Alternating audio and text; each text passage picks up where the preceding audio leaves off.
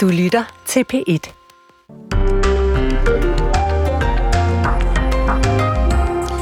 Advokaterne for den svindel tiltalte Sanjay Shah vil have sagen mod ham afvist, og advokaterne er klar til at tage, he- tage sagen hele vejen til den europæiske menneskerettighedsdomstol, siger de.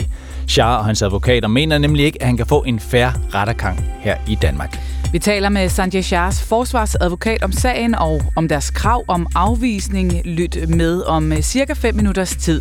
Og med det, velkommen til 3 timers P1 Morgen. I studiet her til morgen er vi Ole Brink og Pernille Rødbæk. Vinteren har ramt Ukraine, og det giver udfordringer i det krigshærede land. Ja, sidste vinter bombede Rusland konsekvent den ukrainske infrastruktur, og hvis det sker igen, ja, så skal nødgeneratorer hjælpe befolkningen gennem vinteren. Vi får en rapport fra Kiev lidt senere i udsendelsen. Der er kommet en top 10 over de mest almindelige aftenmåltider i Danmark. Mm-hmm. Har, er du, øh, hvor var du i går på den her top 10? Øh, hvad fik vi i går? Lad mig se. Vi fik At- nogle fiskefrikadeller. Altså fisk med tilbehør, der er jeg på en, øh, en plads 10. Ja, og der er også en frikadeller med tilbehør på en plads 8. Jeg var faktisk på en plads 4 med en burger. Ej, okay. I går, og en, øh, hjemmelavet selvfølgelig. Øh, øh, Ja, det står der træk- ikke noget om her. Nej, det står der faktisk og ikke ellers noget så om. vil jeg sige, at hver dag til frokost er vi jo på en plads 1 hjemme hos os med rugbrød med, med pålæg. med Ikke? pålæg. Ja. Jeps, vi dykker ned i, øh, i de her tal, og den her liste, der øh, viser noget om, hvem vi er som danskere lige nu. Mm. Det er altså senere her i udsendelsen. Så velkommen indenfor igen. Men øh, vi starter med den helt store øh, politiske historie fra i går, hvor øh, kritikken jo altså væltede ned over SF fra den øvrige opposition i Folketingssalen, fordi at SF jo har vendt den resterende opposition ryggen og har lavet en aftale med regeringen om at unders- om en undersøgelse af FE-sagen. Ja, kritikken går på, at øh, regeringen jo på den her måde nu får opbakning til, at undersøgelsen kommer til at ske bag lukkede døre i Justitsministeriet og ikke øh, i det åbne i Folketinget. I sagen var blandt andet tidligere FE-chef Lars Finsen anholdt og varetægtsfængslet i 71 dage, mens tidligere forsvarsminister Claus Hjort Frederiksen blev tiltalt for landskadelig virksomhed. Sagerne mod de to endte jo med at falde, fordi at højesteret krævede åbenhed i sagerne. De konservatives Per Larsen skrev på Facebook, det havde jeg godt nok aldrig forventet af Socialistisk Folkeparti. Hvad må de fedter for? Og ifølge Pernille Skipper, Øh, tidligere medlem af Folketinget for Enhedslisten i dag, politisk kommentator, så har SF faktisk øh, fået noget ret stort for sin opbakning til regeringen. Øh, noget både de, Enhedslisten og Liberale Alliance har ønsket sig i mange år. Altså, det er min vurdering, at det er det. Øhm, det er nogle ting, som, som både SF og Enhedslisten og Liberal Alliance har råbt op efter på i, i mange år. Øh, det danske kontrol med efterretningstjenesterne er på ingen måde på niveau med de lande, vi normalt øh, sammenligner os med. Ikke engang lande som, øh, som USA eller Storbritannien har så lavt et kontrolniveau, som, som vi har i Danmark. Og der vil stadigvæk være ting, som hvis man skulle på niveau med, med andre sammenlignelige lande, at, at, at så ville der skulle flere til, øh, altså beføjelser til. Men det her med, at man faktisk fra tilsynets side får udvidet kompetenceområdet, og at Folketingets kontroludvalg får et håndtag til at gøre andet end at bare altså dybest set bede justitsministeren og forsvarsministeren pænt om at svare på spørgsmål. Det er alligevel substantielt og nogle, og nogle ret store indrømmelser, som i hvert fald forbedrer kontrollen med efterretningstjenesterne. Ja, altså den her styrkelse af tilsynet for efterretningstjenester var en del af det, som SF fik med i aftalen. Altså noget, der gav mening ifølge Pernille Skipper. Og så siger hun, at man i Folketingets kontroludvalg jo ikke har mulighed for at sætte undersøgelser i gang, men fremover så kan man ret henvende sig til et tilsyn, hvis man vil have noget undersøgt, og øh, dermed øge kontrollen med efterretningstjenesterne.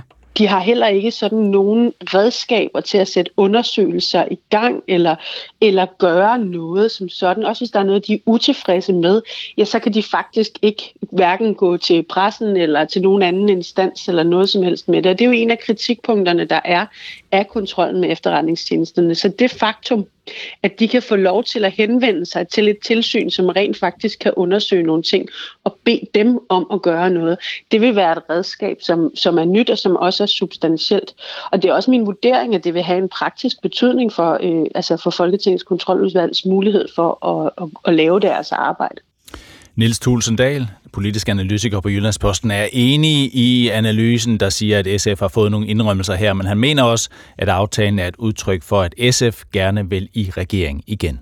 SF vil jo til enhver tid sige, at de går regeringen i møde, fordi de har fået nogle indrømmelser. Men der er selvfølgelig også nogle strategiske overvejelser i det. Øh, og der tror jeg da ikke, at øh, der er nogen tvivl om, at det også spiller ind for SF, at øh, det er et parti med en langsigtet strategi om, at de meget gerne vil i regering igen. Og det er der ikke noget som helst øh, mærkeligt eller øh, mis- mistænkeligt over, at man gerne vil det. Øh, det har SF jo sagt i, øh, i mange år. SF sad også længe med i de regeringsforhandlinger, der var sidste efterår. Og når man er i den position, så kan det være vigtigt øh, at prøve at øh, lave en, en politik, som man øh, kan fastholde den dag, man kommer i regeringen. Hvis man har været meget højt oppe på hestene og oppe i træerne, mens man var i opposition, så ved man jo godt, at den dag, man skal i regering, så er man nødt til at lave en, øh, et kraftigt skift. Og det kan være, øh, det kan være problematisk for, for et parti som SF. Ja, ifølge Niels Tulsendal, så står den samlede opposition nu svækket tilbage. Jeg tror sådan set, at det her det er fuldstændig på linje med den strategi, som Pia Olsen Dyr hun, øh, hun, hun har, og som hun, øh, og som hun prøver at, at følge.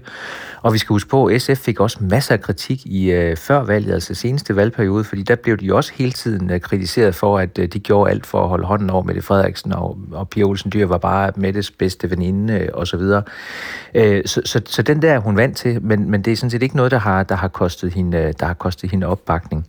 Men der, hvor det selvfølgelig har kostet noget, Øh, det er så måske ikke øh, isoleret set på SF, men det er jo så den samlede opposition og dens evne til at putte, øh, hvad hedder det, sætte regeringen under pres.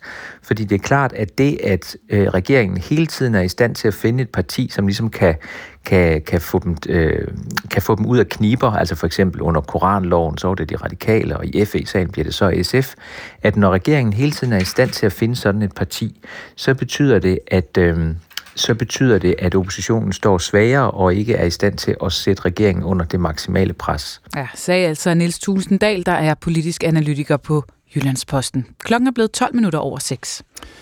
Den britiske finansmand Sanjay Shah, der er tiltalt for at have snydt den danske stat for 9 milliarder kroner i udbytteskat, skal tilbringe de næste fire uger bag trammer. Det besluttede en dommer ved retten i Glostrup i går. Ja, så forløbig bliver Sanjay Shah altså fængslet, selvom hans advokater mener, at sagen mod ham helt bør afvises. Og øh, advokaterne er klar til at tage det spørgsmål til højeste ret og eventuelt også videre til menneskerettighedsdomstolen i Strasbourg. Shahans advokater mener nemlig ikke, at øh, han kan få en færre rettergang herhjemme, og at han i øvrigt, altså Sanjay Shah, var i god tro, øh, da han fik de mange milliarder udbetalt. Han anede ikke, at det her meget avancerede skattesetup, øh, at, at det var ulovligt. Øh, og det, det begrundede han med, at, at der var tale om nogle meget komplekse handelsmønstre. Der var tale om mange øh, forskellige grupper, og så nævnte han, at der også var lavet nogle forskellige øh, juridiske notater, som angiveligt skulle have vist, at, at det ikke var ulovligt. Så, så han var i god tro fortalte vores øh, reporter Jesper Knudsen, da han var i øh, øh, med os fra, fra retssalen i går. Michael Skødt, forsvarsadvokat for Sanjay Shah, er med os nu. Godmorgen. Godmorgen. Lige nu overvejer Østerlandsret, om sagen mod Shah skal afvises på baggrund af påstanden om, at han ikke vil kunne få en færre rettegang i Danmark. Men hvor, hvorfor skulle han ikke kunne få en færre rettegang her? Ja, vi har jo indbragt det spørgsmål for retten i Glostrup, mm. og øh, de sagde nej øh, til vores anmodning om at afvise sagen.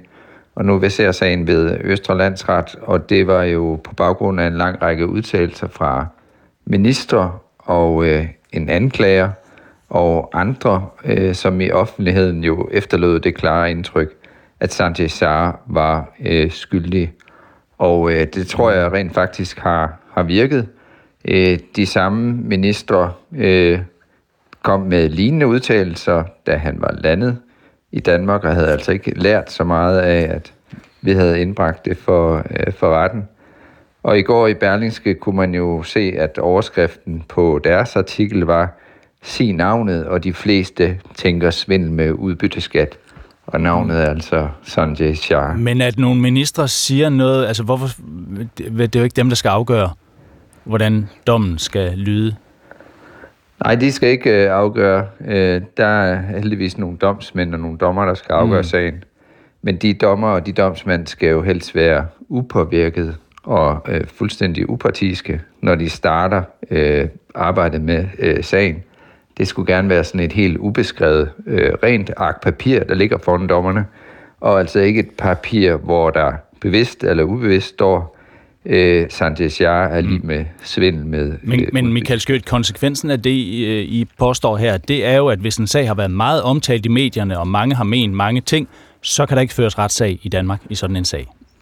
Nej, det, det er ikke konsekvensen, fordi man må gerne udtale sig øh, om aktuelle sager. Øh, man skal bare holde sig inden for reglerne. Der er regler om i retsplejeloven, at man ikke må udtale sig om skyldspørgsmålet, inden sagen er afgjort, altså inden der er kommet en kendelse om skyld.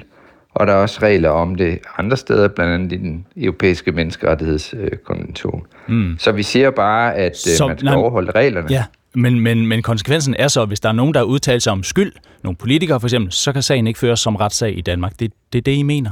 Eller ja, det, er, det kan blive konsekvensen i, i yderste fald. I forhold til Sanchez Jar vil det bare betyde, at sagen mod ham kommer til at køre i Tyskland i stedet for Danmark. Men det er jo derfor, vi har øh, mm. reglerne, der skal være vægtige konsekvenser af de regler for at afholde folk fra at udtale sig om skyldspørgsmålet, inden ja. øh, der er afsagt dom i sagen. Vi ved godt, det er voldsomt, men øh, der er altså øh, heller ikke nogen fortilfælde, hvor man i den grad har udtalt sig øh, langvejt, systematisk omkring øh, skyldspørgsmål. Mm. Og i yderste konsekvens, eller en af jeres konsekvenser, er så, at I vil tage den til menneskerettighedsdomstolen i Strasbourg. Hvorfor, hvorfor skulle den... Altså, hvad, hvad kunne være ideen med det? Ja, altså i første omgang skal vi have en afgørelse fra Østerlandsret. Mm. Og skal vi søge procesbevillingsnævnet om tilladelse til at komme i højesteret. Og højesteret har jo lige i øjeblikket en tendens til at lave afgørelser i Østerlandsret øh, om, så vi kan selvfølgelig håbe, at sagen kan ende allerede i højesteret, men hvis højesteret også måtte øh, afvise øh, det her spørgsmål, jamen, så er muligheden øh, for at gå hele vejen til den europæiske menneskerettighedsdomstol i Strasbourg, og det er øh, vores klients ønske. Hvorfor er det, det er et menneskerettighedsspørgsmål? Jamen det er fordi det her spørgsmål, retten til en retfærdig rettergang, er øh, reguleret i den europæiske menneskerettighedskonventions artikel øh, 6. Og det er simpelthen en beskyttelse, der ligger øh, der. Den ligger også i, i retsplejeloven. Men øh, den giver mulighed for selvfølgelig at indbringe det spørgsmål for øh, domstolene, mm. så de kan tage stilling til, om man har fået en, en retfærdig øh, retssag. Så øh, ja, der ligger nogle forskellige spor her, alt efter hvordan, hvordan øh, ja. det bliver et ja eller et nej. Øh, men spørgsmålet er jo så, hvornår det hele skal begynde. Sådan rigtigt, følge planen skal straffesagen mod Sanchez indledes den 8. januar, altså om, ja, det er præcis en måned. I vil gerne have det udsat. I skal have mere tid. Hvorfor? Ja, øh, der er cirka 15 arbejdsdage til den 8. Øh, januar, hvis man tillader sig at holde fri mellem jul og øh, nytår. Vi har jo ikke fået noget varsel om, at han kom, så vi har jo ikke sådan haft mulighed for at rydde vores kalender. Men selv hvis vi antager, at der er 15 arbejdsdage, jamen så mm. vil det betyde, at vi hver dag, hvis forudsat vi fik adgang til Sanchez Jar, skulle gennemgå, gennemgå omkring øh, 20.000 siders øh, materiale øh, med ham om dagen for ekstrakten, altså ja. det udpluk, anklageren har øh, taget fra hovedsagen, fylder mere end 300 øh, tusind sider. Men, men, men det, er jo ikke, det, er, det er jo ikke en ny sag for dig, Michael. Hvornår var det, hvornår var det du blev koblet på? Øh, jeg kom på i sommeren 2021. Så du har været på siden sommeren 2021. Ja. Så du har jo forberedt dig i virkelig ja, lang men, tid. Øh, forberedelsen skal jo ske øh, sammen med vores klient. Og det sidste et år og ni måneder, der har vi jo ikke haft adgang til, til vores klient. Så anklageren har altså et forspring på et år og ni måneder i, i sin forberedelse, fordi vi har sat, været sat tilbage af manglende adgang mm. til, til vores klient. Og en af, en af delene i retten til en retfærdig øh, rettergang er også, at vores klient får tid og lejlighed til at forberede sit forsvar. Så det er min opfordring til, til alle, mm. at man nu holder hovedet koldt. Der er ikke noget hastværk. Lad os nu afsætte den tid, der skal til, for at vi kan få øh, forberedt sagen ordentligt, mm. så Sanchez Jar, øh, ligesom alle mulige andre tiltag i en straffesag, kan få en, en retfærdig øh, retssag. Lad os se. Lad os se, om der bliver nikket eller rystet på hovedet øh, ja. i forhold til både det ene og det andet. Hr. Michael Skødt, tak for at være med os og lige øh, udlægge sagen fra jeres side. Ja, selv tak. Michael Skødt, forsvarsadvokat for øh, svindel tiltalte Sanjay Shah. Klokken er 19, nej, 20 minutter over 6. Og det betyder avistid. Vi skal kigge på nogle af de store historier i dagens aviser. I Berlingske kan man læse om en voldsom vækst i andelen af akademikere, som er ansat i det offentlige. Vi har jo hørt debatten om de kolde og de varme hænder, der skal afbyråkratiseres. Mm. Det er en målsætning for regeringen også. Men hvis man kigger på øh, andelen af akademikere, som er ansatte i det offentlige, så overstiger det nu for første gang 40.000 ansatte. Det er en stigning på 14.800 personer siden 2016. Og øh, det er altså især i staten, at øh, andelen af akademikere vokser. I øh, avisen så siger øh, Per Nikolaj Buk, der er professor i økonomistyring på Aalborg Universitet, at øh, det kan være et problem. Akademikere er ofte generalister, som kan en masse forskellige ting, men det betyder ikke, at de er dygtigere end specialister, der ikke er, ikke er akademikere. Så man løber en risiko ved at ansætte en, der både er dyre, men ikke nødvendigvis dygtigere, siger han. Mm. Øh, så kan man spørge, hvor kommer alle de akademikere fra? Mm. Det er der ikke rigtig nogen forklaring på. Man ved, der blev ansat en masse ekstra under corona. Der var en masse ting, der skulle administreres her. Men de er altså ikke faldet øh, siden, og der er ikke rigtig nogen forklaringer. I Djøf siger man øh, omvendt, at der måske var brug for endnu flere akademikere. Øh, her siger formand Sara Vergo, vores hovedpointe er, at der skal være de akademikere, der er brug for til at løse de opgaver, der er. Og dem, der er nu, løber virkelig stærkt, så vi mener ikke, at der er flere, end der er behov for. Eller vi mener ikke, jo, vi mener ikke, at der er flere, end der er behov for, jo, siger hun, øh, med det høje arbejdspres, mm. vi ser. En var... Øh, diskussion, der fortsætter og fortsætter, og som man får lidt en fornemmelse af at køre lidt i, øh, i og, Men alligevel nogle markante tal, ikke? Plus 14.000 i løbet af, af syv Præcis. år. Præcis. Der har aldrig været så mange. Så det går altså den modsatte vej, selvom jeg tror næsten alle politikere er enige om, at, øh, at der skal skæres ned. Der er også mange læger på sygehusene. Specielt læger skal flyttes fra sygehuse, og patienter behandles derhjemme, lyder overskriften i Jyllandsposten i dag. Antallet af sygehuslæger er siden 2003 vokset med 68 procent, mens de praktiserende læger kun er blevet 21 procent flere. Og den udvikling vil Sundhedsstrukturkommissionen nu øh, vende på hovedet. Øhm, oh, jeg var lidt en side for langt om. Øh, vi har 3,28 sygehuslæger per 1000 borgere. Øh, det er mere end tre gange så mange som i Holland, og mere end dobbelt så mange som i England. Så, så vi har, de læger, vi har her i landet, dem har vi altså med at, vi har det med at placere dem på sygehusene. Mm. Til gengæld ligger vi lavt, når det gælder antallet af praktiserende læger per 1000 borgere. Antallet falder herhjemme i modsætning til andre lande, øh, man øh, sammenligner os med. Og det er altså den udvikling, som øh, Sundhedsstrukturkommissionen vil prøve at vende på. Det er ikke sådan, at, at sygehuslægerne skal tvinges ud i noget privat, men, men der skal være en bedre forbindelse. Der skal være en ret til at bruge specialisterne, øh, lægespecialisterne på sygehuset, når man sidder ude i, den, i en privat praksis. Mm-hmm. Er forslaget. Der er seneste nyt om en, øh, det må man sige, en spektakulær sag på forsiden af Berlingske. Det handler om den her Qatar-gate, som øh, begyndte at rulle i EU-systemet for et års tid siden. Hvis man ikke lige kan huske det, så øh, handlede det jo altså om nogle medlemmer blandt andet næstformanden for Europaparlamentet, hun hed Eva Kalili, og hendes kæreste og et par- parlamentsmedlem, som blev anklaget for at køre en påvirkningsoperation på vegne af Katar, Marokko og Mauritanien. De to af dem, de to herrer, de øh, skulle efter øh, sine ifølge politiet, så, så tilstod de Eva Kalili, der var næstformand i øh, parlamentet, hun har nægtet sig skyldig, men politikken har sammen med europæiske journalistkolleger gravet oplysninger frem, som peger på, at hun rent faktisk arbejdede for at påvirke øh, Europaparlamentet for Katar blandt andet. Mm. Hvordan hun gjorde det, hvilke beskeder der blev øh, udvekslet mellem de to parter, det kan man læse om i uh, politikken i dag. Sådan blev klokken øh, 6 minutter i halv syv.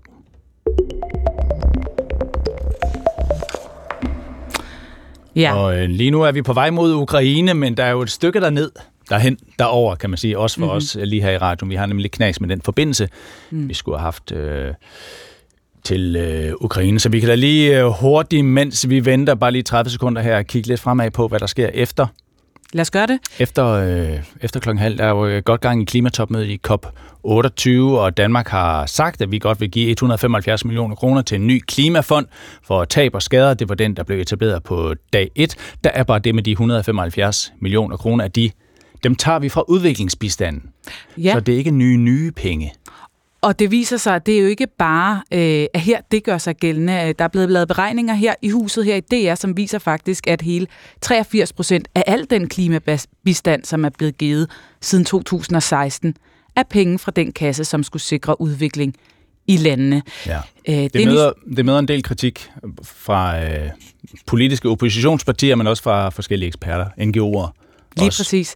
Vi, øh, vi skal tale med, øh, med en af dem øh, her øh, lidt over øh, halv syv. Han hedder Lars Kok. Han er generalsekretær hos Oxfam Ibis, og han mener naturligvis, at det er stærkt problematisk, fordi man ikke jo på den måde kan bruge pengene to gange. Altså argumentet for politikerne vil jo være, at det, det her det måske er to sider af samme mønt. Mm. Øh, udvik, øh, udvikling og, og klimabistand, altså at det hjælper jo de samme steder og kan give nogle af de samme effekter. Men øh, Lars Kok, som vi skal tale med lidt senere, mener ikke, at man på den måde kan sige, at man kan bruge pengene to gange. Det bliver cirka 20 minutter i syv. Ja, måske. Jeg vil tage de der øh, tidsagøl med vist forbehold, når ja. vi har noget knas med at få, få skabt forbindelsen. Og jeg tror faktisk, at vi er nået så langt, så vi begynder med lige præcis den historie, vi er ved at skitsere her. Øh, lad os lige prøve at høre, hvad det var, øh, Mette Frederiksen sagde øh, med de der 175 millioner ifølge statsministeren, så er det den mest logiske måde at gøre det på, øh, den måde vi, vi, vi gør det på, altså tager pengene fra, fra mm. udviklingsbistanden og bruger dem på klimabistanden. Klimaforandringerne er jo den største udfordring, vi står overfor som menneskehed, og derfor skal udviklingsbistanden selvfølgelig også i højere grad adresseres til de her spørgsmål. Så det synes jeg ikke alene er øh, en naturlig vej at gå, jeg mener faktisk også, det er en rigtig vej at gå. Men os nu har vi Lars Engberg Petersen. Velkommen. Godmorgen. Enhedslister, seniorforsker i bæredygtig udvikling og regeringsførelse ved, ved DIS. Altså vi afsætter i Danmark hvert år 0,7 procent af BNI til udviklingsbistand. Sådan har det jo egentlig været i, i mange år, altså mindst 0,7 procent. Er det noget nyt, at vi tager pengene til det, vi kalder klimabistand fra udviklingsmidlerne? Nej, det er ikke noget nyt. Det er øh, sådan set en, en praksis, der har været længe, og, og man kan også sige, at en stor del af, af øh, de, de midler, der anvendes på at, at, at bekæmpe klimaforandringer eller tilpasse sig til klimaforandringerne, kan også være bestemt være øh, relevant i forhold til udviklingsmål og fattigdomsbekæmpelse. Så det er sådan set, det hænger godt nok sammen, og det har man gjort i, i, i mm. længere tid, ja. Men, men hvis vi hopper tilbage til 2009, dengang der var COP15 i, i København i Danmark, øh, der, det var der, den blev, øh, jeg skal sige, det der begreb klimabistanden, det var der, den kom til verden, sådan øh, groft sagt i hvert fald. Øh, en bistand, 23 lande forpligtede sig til at betale os, øh, ja, blandt de 23 lande, altså også Danmark. Daværende statsminister Lars Løkke Rasmussen sagde dengang, at klimabistanden ville være nye midler, der ville blive lagt oven i de 0,7 procent, der blev givet til, til udviklingsbistanden. Altså, hvordan, hvordan er det gået? Hvor er det, det smelter sammen? Lars Ingeberg ja, ja. ja. Jamen, Jamen altså, i, i starten var der jo, om man så må sige, øh, kom der flere nye midler, og, og det er der jo også, hvis du ser på det i absolute tal, så giver vi jo væsentligt flere penge i øh, udviklingsbistand og klimabistand i dag, end vi gjorde i 2009. Hvis man ser det mere relativt øh, i forhold til øh, den BNI, altså bruttonationalindkomsten, sådan som man ofte gør med udviklingsbistanden, mm. Så er vi nu på 0,7, øh, som er det mål, som politikerne har sat sig, fordi at der var en gammel øh, FN-vedtagelse omkring det. Øhm, og derfor kan man sige, at nu er der ikke en meget rum til øh, nogle midler ud over de 0,7, øh, som, går, som kunne gå til klimabistand. Så hvis man fortolker det på den måde, så kan man sige, at så er der ikke nogen nye midler til klimabistanden mm. oven i udviklingsbistanden. Så, øh, så i nogle år har vi ligget på måske 0,8 eller måske 0,9, og derfor var der ligesom, der var et rum, der var nogle flere penge i forhold til 0,7, men, men, men ja. det, sådan, sådan er det ikke i dag. Der er vi på ret skarp 0,7. Det er vi nemlig, ja. Så der er ikke noget luft i budgettet der. Mm. Og man, man kan jo også sige, at, at øh, altså, øh, en, øh, temmelig meget klimabistand er jo fattigdomsorienteret, og kan vel med rimelighed godt tælles med i udviklings bistand? Det, det kan man nemlig godt sige. Altså, øh, hvis, hvis, øh, hvis man øh, er fokuseret på det, at sikre, at de midler, der bliver brugt på, for eksempel at tilpasse sig klimaforandringerne, også har øh, et klart øh, fattigdomssigte, så kan man fint få tingene til at hænge sammen. Det er bare så ikke nye midler oveni, hvis man har en politisk vedtagelse om, mm. at, man, at udviklingsbistanden skal ligge på 0,7 procent af mm. bruttonationalindkomsten. Og nogle gange, nogle gange kan det vel også være svært helt at skælne, hvad der er hvad? I? Ja, ja, det kan du bestemt uh, have ret i. Altså, øh, og det, øh, nogle gange kan man sige, at tingene faktisk dækker flere formål. Øh, så, så på den måde, ja, så, så kan det godt hænge ordentligt sammen, men det gør det ikke nødvendigvis. Der er jo også en meget klimabistand, som, som går til at øh, hjælpe mellemindkomstlande med at få mere vedvarende energi ind i deres øh, energiforsyning. Øh, og det, det er jo ikke det er ikke sådan direkte fattigdomsorienteret, øh, så, så derfor så kan der også være midler, som man har svært ved at sige er øh, sådan mm. i overensstemmelse med udviklingsbistandens formål. Lars Ingeberg Petersen, er der, når du ser på, på udviklingen, og når du øh, ser på udmeldingerne, bliver der brudt nogle regler her, når regeringen tager penge fra udviklingsbistand og gør det til klimabistand? Nej, det mener jeg ikke. Jeg mener ikke, der bliver brugt nogen, brugt nogen regler. Altså, jeg mener bare, at man øh, fedt spiller lidt, øh, fordi at man ikke vil bruge for mange penge på de her ting og sager, og det kan jeg ikke helt forstå øh, i og med, at vi øh, som også som et dansk land er jo udfordret af de mange globale kriser, der er, og ikke mindst klimaforandringerne, men også sikkert kommende pandemier og så videre.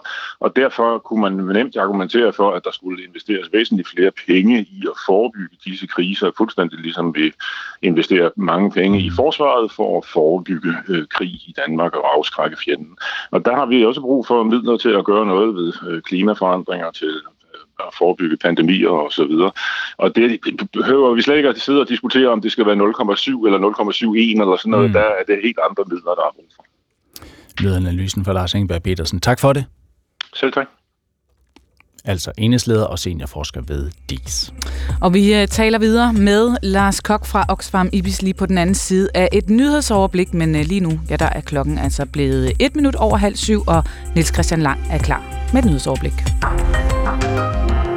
Når Danmark giver fattige lande penge i klimabistand, så er det stort set altid penge, de alligevel skulle have haft. 83 procent af pengene, der bliver givet til klimabistand siden 2016, er taget fra udviklingsbistanden. Det viser tal fra Udenrigsministeriet, som DR har gennemgået. Og det er på trods af, at Danmark tidligere har indgået en aftale om, at klimabistanden skal bestå af nye penge. Og dermed lever Danmark ikke op til sit løfte, mener Lars Ingberg Petersen, der er seniorforsker på Dansk Institut for Internationale Studier. I forhold til de løfter og udtalelser, som danske politikere kom med, så er der ikke øh, nogen ekstra klimabistand i dag. Der er ikke nogen nye midler til klimabistand. Og så til klima i indkøbskurven. Vi vender nemlig i højere grad klimaet ryggen, når vi køber ind. En ny undersøgelse fra organisationen Madkulturen, der ligger under Ministeriet for Fødevare, Landbrug og Fiskeri, viser, at kun 56 procent af os synes, det er vigtigt at handle klimavenlig mad. I 2019 var det tal 70 procent. Og det er især de unge, der har ændret kurs, siger Judith Køst, der er direktør for Madkulturen. Da vi målte sidste gang i 2019, der var der 8 ud af 10 unge, som var motiveret for at købe ind klimavenligt i forhold til deres øh, madlavning og deres madvaner, og nu er det øh, 5 ud af 10.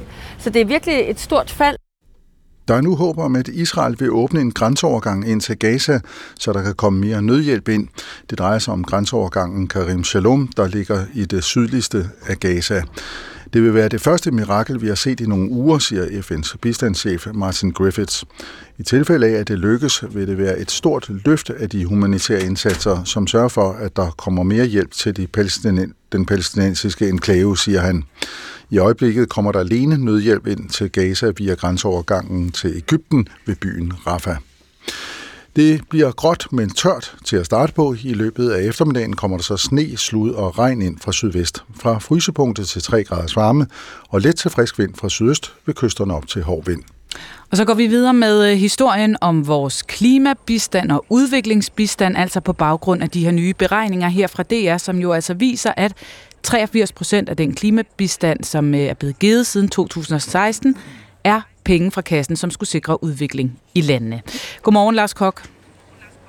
Godmorgen. Generalsekretær hos Oxfam Danmark, som jo altså er en udviklingsorganisation, som kæmper for retfærdighed og lighed. Udviklingsbistanden der bliver til klimabistand. Det er jo ikke øh, en øh, beslutning, jeg tænker falder i særlig god jord hos dig. Prøv lige at sætte nogle øh, overordnede ord på, hvad du mener problemet er. Jamen problemet er, at øh, klimakrisen, som vi står i, den er jo skabt af øh, vores afbrænding af fossile brændstoffer i de rige lande, i de industri- industrialiserede lande de sidste 150 år. Mens de fattige lande, de har ingen andel i at skabe den her klimakrise, men bliver til gengæld ramt rigtig hårdt af klimaforandringerne. Og derfor så har vi så lovet at give penge til at hjælpe de her lande og mennesker med at tilpasse sig og omstille sig til den klimakrise. Men når vi så tager pengene fra udviklingsbistanden, så bliver det jo reelt de fattige mennesker, der selv kommer til at betale, i stedet for som man har lovet, at det er nye midler, som kommer oven i udviklingsbistanden. Mm. Og hvad betyder det øh, helt konkret i øh, konsekvenser nede på jorden, at, øh, at pengene kommer fra den her pulje? For jeg tænker, at det er jo stadig penge, som lander hos de samme mennesker. Det er penge, der lander hos de samme mennesker, men man kan ikke både bygge en vindmølle og bygge en skole for de samme penge. Så nu vælger man at bygge en vindmølle, og så kommer der færre skoler, eller færre hospitaler, eller færre penge til også at kunne altså, hjælpe mennesker med at kunne til, til at komme ud af fattigdom, som er det, som vi egentlig bruger vores udviklingsbistand til. Så det her løfte, vi har givet om, at nu har vi skabt en klimakrise, vi hjælper jer med at modgå den krise, det løber vi sådan set fra ved at tage pengene for de, fond, for de penge, der i forvejen er allokeret til de allerfattigste. Lad os lige prøve at høre, hvad øh, Dan Jørgensen, der er udviklingsminister og minister for global klimapolitik, han øh, siger til kritikken. Der er jo sket to ting i den her verden. Den ene er, at klimaforandringer de rammer nu i udviklingslandene. Det vil sige, når jeg er i Afrika og taler med afrikanske ledere, jamen det de så beder mig om og beder Danmark om, det er hjælp til grøn elektricitet for eksempel, et af FN's øh, verdensmål, det er hjælp til, når de rammes af tørker og oversvømmelser og de her konsekvenser af klimaforandringerne, som allerede sker nu. Så derfor er udviklingspolitik og klimapolitik to sider af samme sag. Desuden så øh, mobiliserer vi jo historiske høje tal øh, i klimabistand. Ja, to sider af samme sag. Altså, øh, det kan jo godt være, nu siger du, man kan ikke bygge en øh, vindmølle og en bro for samme penge, men det kunne jo godt være, at det med, at man øh, puljede nogle penge ned, som satte gang i noget grøn omstilling, også kunne give udvikling, som kunne give arbejdspladser, som kunne skabe en bedre fremtid for de lande, man gerne vil hjælpe med udviklingskroner. Så er der ikke en færre pointe i at sige, at øh, klimabistand på sin vis også kan være en slags udviklingsbistand? Klimabistand, når det bliver givet godt, er ofte med til også at reducere fattigdom. Altså hvis man bygger en vindmølle, som sikrer, at der kommer energi til nogle af de lokale øh, boligområder, så er det jo med til også at sikre energi til almindelige mennesker. Så det er jeg fuldstændig enig med Dan Jørgensen i. Og jeg er fuldstændig enig med ham i, at Danmark laver et, et, et kæmpestort og godt stykke arbejde på det her område. Men Dan Jørgensen sagde også i 2009, da man vedtog det her løfte, der sagde han, hvad angår finansiering, så kan der nok skabes enighed om, at vi skal give en stor sum, og det gør vi så. Ikke? Men faren er bare, siger Dan Jørgensen så dengang, at det kun er penge, der allerede er afsat til udviklingsbistand. Og så er der reelt ikke tale om klimahjælp. Altså, det vil sige, at i 2009 der stod han og sagde, at hvis man tager pengene fra udviklingsbistanden og bruger dem til klima, så er det reelt ikke nogen ny hjælp. Men det har man så skiftet standpunkt på. Hmm. Og det skuffer der kan jeg høre. Det er skuffende, øh, altså på trods af, at jeg mener, altså nu står jeg her til klimakonferencen i Dubai, og altså jeg kan være skuffet, men det er sådan set mindre interessant. Det, der er udfordringen, når vi står hernede, det er, at, at mange af de afrikanske lande, de er skuffede og har mistet tilliden til, at de rige lande lever op til deres løfter. Og det er ved at fuldstændig underminere de forhandlinger, som Dan Jørgensen faktisk nu står i spidsen for hernede, at de afrikanske lande er mistroiske over for, at når man kommer ud og lover, nu skal vi tredoble investeringerne i, i bæredygtig energi. Jamen kommer de penge så, eller hvor, hvor, hvordan skal de finansiere kan man sige, de ekstra udgifter, de har til den grønne omstilling og til at tilpasse sig klimakrisen, mm. øh, når de samtidig sådan, står med de udviklingsproblemer, de står i i forvejen. Så, så mister man tilliden, og det underminerer muligheden for at nå et godt resultat her Så siger i, du virkelig, på, at fordi, fordi at de penge, der kommer ned til for eksempel de afrikanske lande i klimabistand, er fordi en stor del af dem kommer fra en anden kasse, der hedder udviklingsbistand, så skaber det mistillid nede på koppen, hvor du er nu? Altså man sige, der gør Danmark det jo bedre, fordi vi giver 0,7 procent øh, om året i vores udviklingsbistand. Der er mange lande, som giver meget mindre, og som samtidig ikke giver noget, ikke giver noget klimabistand.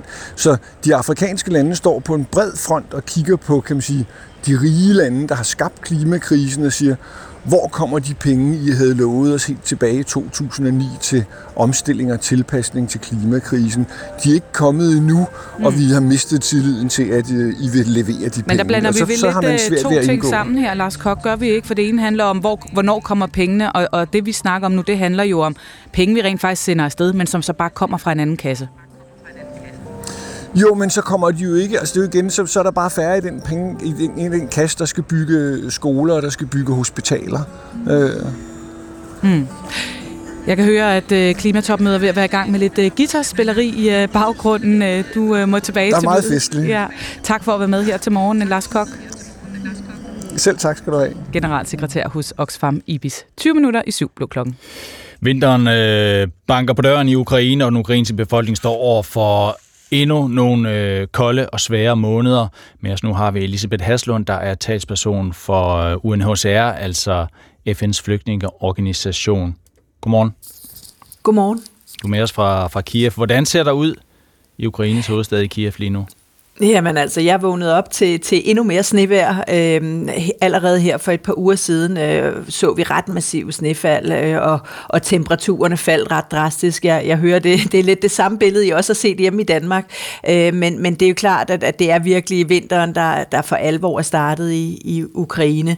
Øh, og det er jo en, selvfølgelig noget, der så øh, øh, har en stor betydning for, for os som en humanitær organisation, fordi mm. vi ved, når det bliver rigtig, rigtig koldt, så er der altså mange mennesker i Ukraine, som i forvejen øh, har brug for, for humanitær hjælp og befinder sig i udsatte situationer, og så, så, så bliver kulden og, og vinteren, det er jo altså en, en ekstra udfordring oveni. Hmm. Og det er jo ikke kun i Kiev, hvor du er, at vinteren har sat ind. Vi har også øh, den Præcis. seneste tid hørt om voldsom snestorm i den østlige del af Ukraine, altså et hæftigt vintervejr, der har sat ind ja. tidligt endda.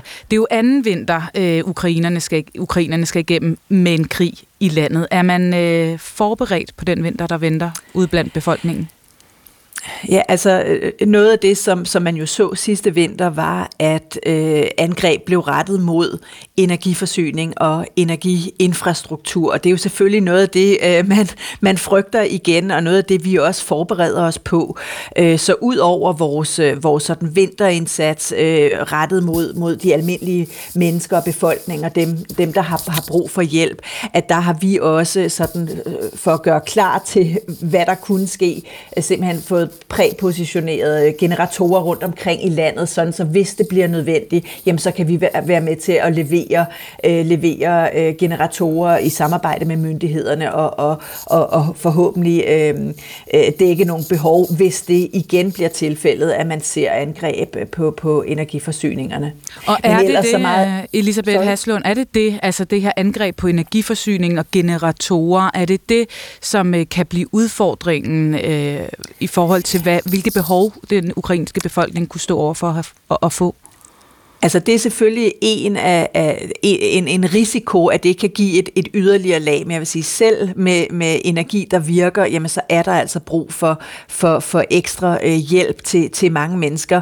Øh, der er fortsat næsten 4 millioner, der er internt fordrevet, altså på flugt i Ukraine, og så er der jo også millioner andre, der, der lever i, i øh, områder tæt på frontlinjen under, under jævnlig beskydning og, og virkelig påvirket af, af krigen, men jo også nogle af dem, som, som er i områder, der var, var hårdt ramt i begyndelsen øh, efter invasionen, øh, måske områder, der var besat eller under, under tung beskydning. Og man kan forestille sig, at hvis øh, der er hul i ens tag og vinduer blæst ind, jamen, så er der også her, øh, så, så kan kulde og, og vinter være, være, være ret slemt. Så, så der er altså, selv, selv uden, hvis vi undgår de her energi, øh, øh ener, altså angreb på, på energiforsyning, jamen, så er der altså fortsat mange mennesker, som, som kan have svært ved at, at holde sig varme. Øhm, og det er derfor sådan nogle af de ting, vi leverer, det er sådan helt basalt vintertøj, det er ekstra kontante øh, støtte, så folk kan betale deres energiregninger. Øh, nogle af de familier, der er der er særlig sårbare, som måske i forvejen har svært ved at dække deres behov, så kan ekstra regninger for varme øh, og el her i vintermånederne være virkelig svært.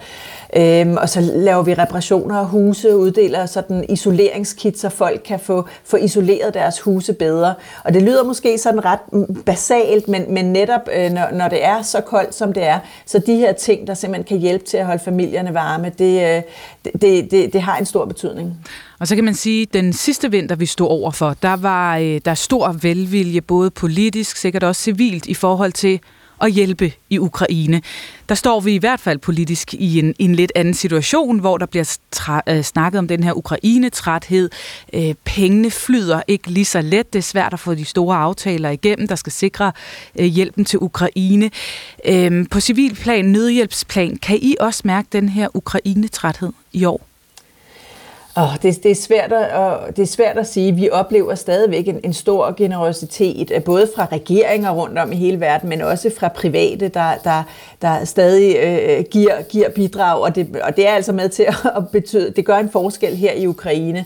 Øh, men, men det er jo klart, at, at og det øh, med Ukraine som med andre kriser, vi har set rundt omkring i verden, at du har en, en træthed, når noget har, har varet i lang tid, og så ved vi jo også, at der er nye kriser, der melder sig på banen og tager opmærksomheden. Det ser vi jo også i, igen og igen. Øh, men, men noget af det, som, som jeg synes virkelig gør indtryk på mig, også når jeg møder øh, mennesker her i Ukraine, når jeg er ude her i sidste uge, var vi ude øh, ikke langt fra Kiev og, og, og uddele noget af den her vinterhjælp. Ikke? Og, no, og en ting er, at folk selvfølgelig er glade for den hjælp, de får, den fysiske hjælp, men det de også siger, mange af dem, og som virkelig rammer mig, det er, de siger, åh, oh, det her betyder også bare, at I ikke har glemt os, for I må ikke glemme os. Nu er det snart to år, og I må ikke glemme os i Ukraine. Øhm, og det, og det, det er jo bare et budskab, jeg kan sende videre, fordi mm. det, det er altså virkelig sådan, at selvom der er snart to år, øh, så, så er der stadigvæk behov for, for hjælp øh, til rigtig mange ukrainere. Men også, også en, en bekymring for at blive glemt blandt befolkningen? Ja, og, det, og når vi så er ude og møder dem og leverer hjælp, så ved vi jo, at de ikke er glemt, at der netop er øh, det internationale samfund, som, som stadig tænker på dem, og som øh, leverer, øh, leverer øh, finansiering, så vi er i stand til at levere hjælp. Øh, med, så, så, og det er der jo, vi har set en, en stor solidaritet i forhold til Ukraine, men det er klart, vi bliver nødt til at sikre, at den støtte og den øh, solidaritet, den fortsætter, for behovene er der stadigvæk i Ukraine. Tak for at være med, Elisabeth Haslund. Velbekomme. Talsperson for UNHCR i øh, Ukraine, og altså øh, direkte med fra Kiev. Klokken er blevet 14 minutter i syv.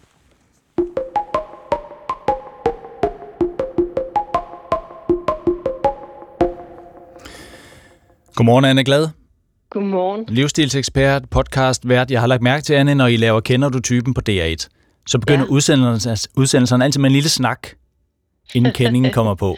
Du ved, hvor du slår nogle søm i, eller I taler lidt om cykler, eller kravle krav, op ad et hul i kælderen, eller et eller andet. Ja. Og det springer vi over i dag.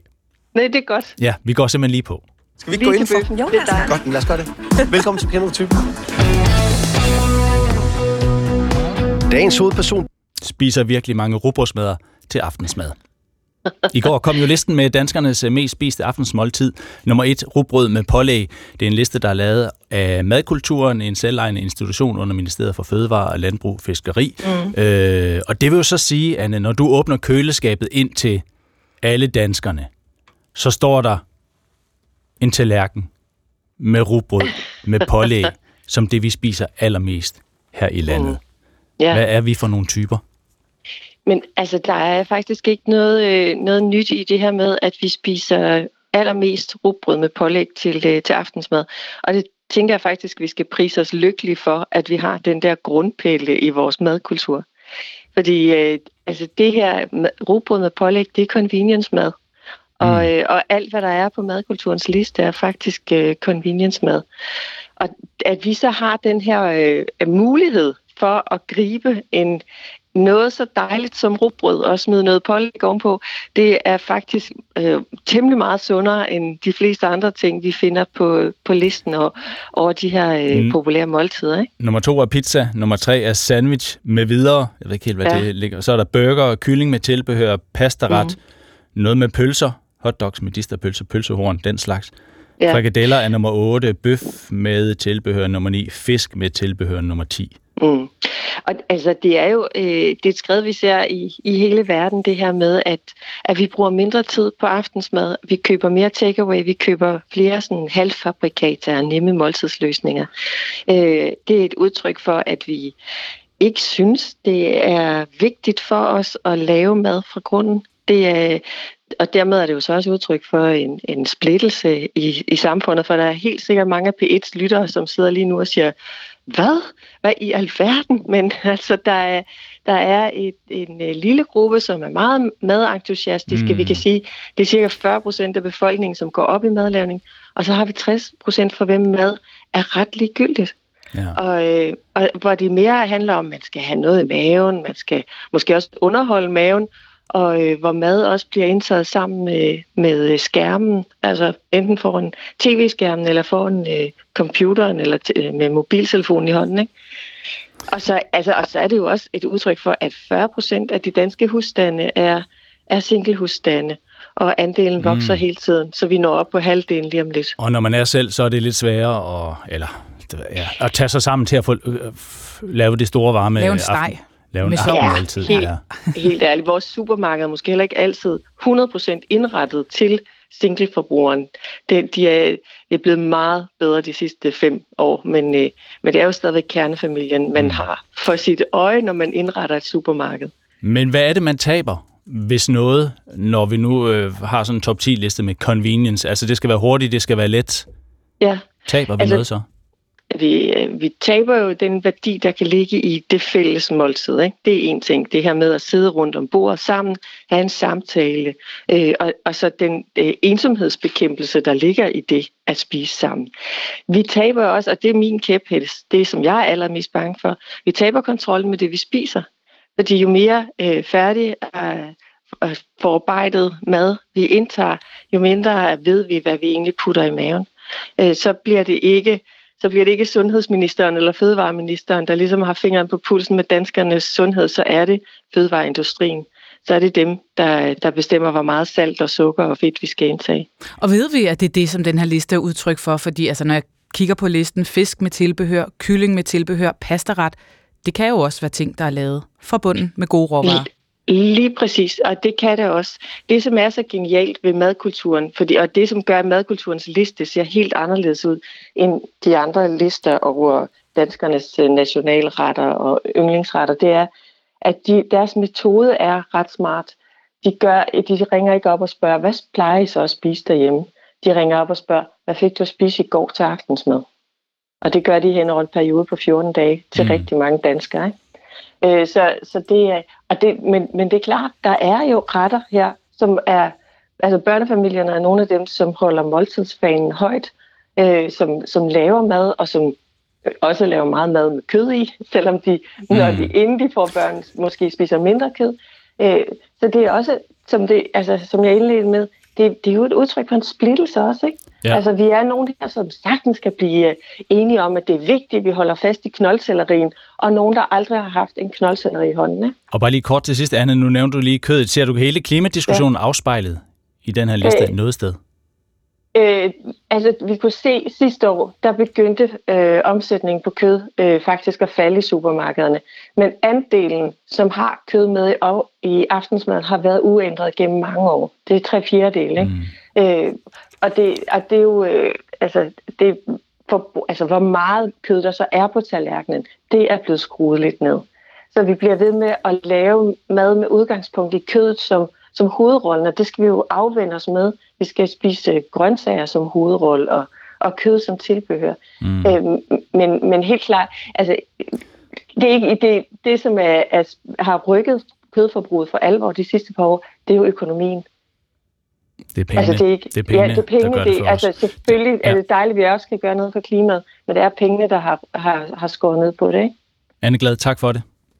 Selv tak. Tak for det her. Kig ind i vores allesammens øh, aftensmad.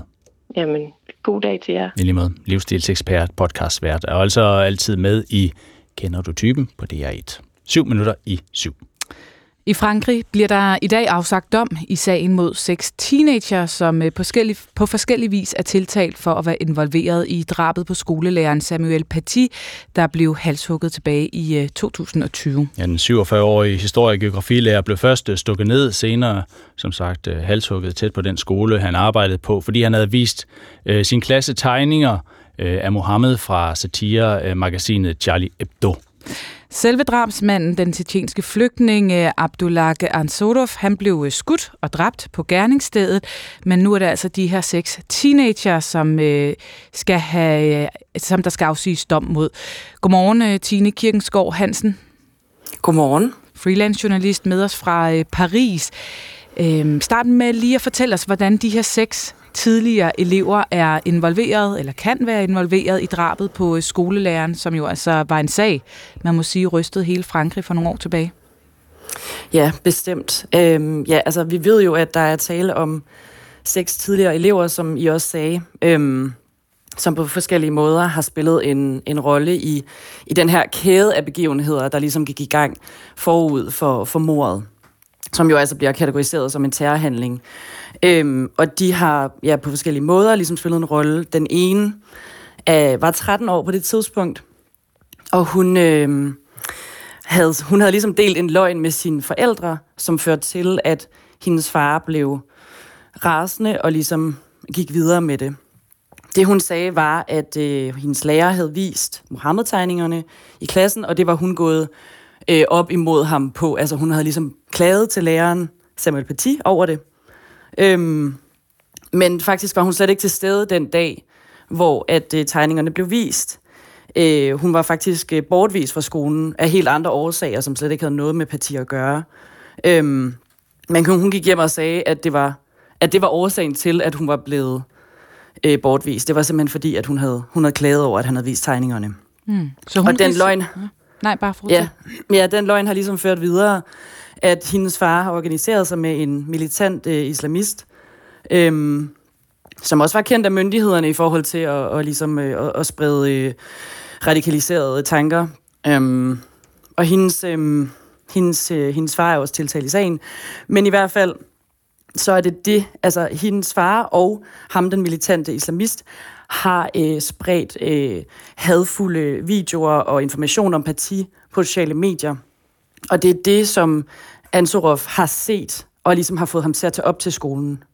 Så hun øh, risikerer øh, to og et halvt års fængsel. Og det samme gør øh, fem andre tidligere elever, som øh, har udpeget Samuel Paty øh, for terroristen den dag på skolen. Så de her teenager, de risikerer simpelthen at, at komme i fængsel, fordi at de på en eller anden måde har medvirket til at igangsætte den her kampagne mod, øh, mod læreren, der så endte med at blive øh, halshugget. Øh, jeg ved, at øh, den er blevet ført for lukket døre retssagen. Er der kommet noget nyt frem alligevel, som øh, gør os lidt klogere på, hvilken rolle de har spillet? Der er ikke kommet noget som helst ud. Altså, den har været helt lukket, den her sag. Øhm, det seneste, der er blevet skrevet om i franske medier, er øh, fra mandag i sidste uge, hvor retssagen begyndte. Øhm, så vi har simpelthen ikke kunne, øh, der, der er ikke kommet noget ud, og det er altså i dag, at der bliver afsagt dom. Øhm, det, eneste, det eneste, vi ved, er, at der har, øh, der har været, altså lærerne, tidligere kollegaer til, til parti, har været utilfredse med, at de ikke bliver hørt i retssagen. Altså, de er jo selvfølgelig blevet hørt i de indledende øh, efterforskninger, men de er altså ikke, øh, de, de bliver ikke hørt i retslokalet. Øh, men de er til stede, de har fået lov til at være til stede alligevel, men det skulle de ligesom igennem en proces for at få lov til. Øh, og det er det, vi har hørt lidt fra dem om, netop den utilfredshed, der har været med, at de ikke øh, har været med, øh, altså ikke er blevet hørt i retslokalet. Men, men ellers så er der ikke kommet noget ud siden mandag i sidste uge, hvor at øh, retssagen begyndte. Og det er jo en sag, halshugningen af parti her, som har skabt en stor debat i Frankrig om ytringsfrihed. Så hvor stor har interessen været for retssagen, øh, som øh, altså kulminerer med domsafsigelsen i dag? Ja, men altså, i det hele taget, så er Frankrig jo øh, der, der, der sker rigtig mange øh, angreb desværre i, i Frankrig, og, og på det sidste er der sket, bare i sidste weekend skete der et, øh, et angreb, øh, hvor en tysk turist blev slået ihjel tæt ved Eiffeltårnet. Der skete også et, øh, et mor, desværre øh, virkelig tragisk mor, på en lærer øh, i oktober. Øhm, så, og det er nogle af de sager, der fylder mere lige nu. Altså, det er tre år siden Samuel Paty blev slået ihjel, og der bliver stadigvæk diskuteret, øh, hvilke indflydelser det har, og der bliver diskuteret parallelsamfund, og hvor vigtigt det er at undervise øh, børnene i ytringsfrihed og sekularisme. Men selve retssagen har ikke fyldt særlig meget, men der har jo heller ikke været så meget, vi kunne snakke om, fordi der ikke er kommet noget information ud. Så selve retssagen øh, de sidste par uger har ikke fyldt, men jeg tror, at det kommer til at fylde mere, når vi kender dommen i dag. Hmm. Tak for det, Tine Hansen. Selv tak. Freelance journalist i Paris. Så siger vi Carmen Køllers. Carmen Køllers. Den mørke tid kalder på en god serie. Så indfører vi nathold. Axel, jeg kan umuligt skaffe så mange damer. Der er ikke noget, der er umuligt. Carmen Køllers er tilbage med en ny sæson.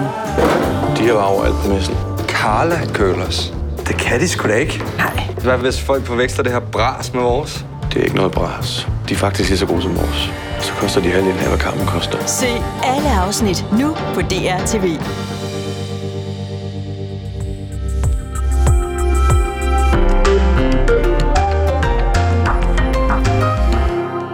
Klokken er blevet syv. Det er tid til en radiovis med Niels Christian Lang.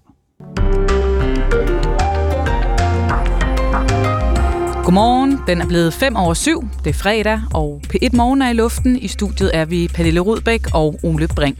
Det er dagen efter en lang debat om øh, en meget øh, omdiskuteret sag og en meget omdiskuteret afstemning i Folketingssalen. Men i sidste ende var der altså grønne pletter nok på afstemningstavlen i salen derinde til, at Koranloven nu er vedtaget i Danmark.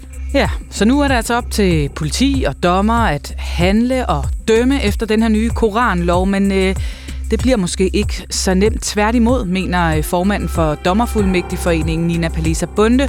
Hun øh, kommer her i studiet lige om lidt og øh, tager debatten med Bjørn Brandenborg fra Socialdemokraterne. Ungarns premierminister Viktor Orbán er en ombejlet herre i de her dage, og ikke nødvendigvis for det gode. Tværtimod er flere europæiske ledere stærkt bekymrede for, om han er i gang med at spænde ben for Europas støtte til Ukraine. Ja, så nu skal der lægges pres på Orbán. I går blev han for eksempel ringet op af den spanske premierminister Pedro Sanchez, og øh, bagefter var Orbán så på besøg hos den franske præsident Macron i Élysée-palæet i Paris.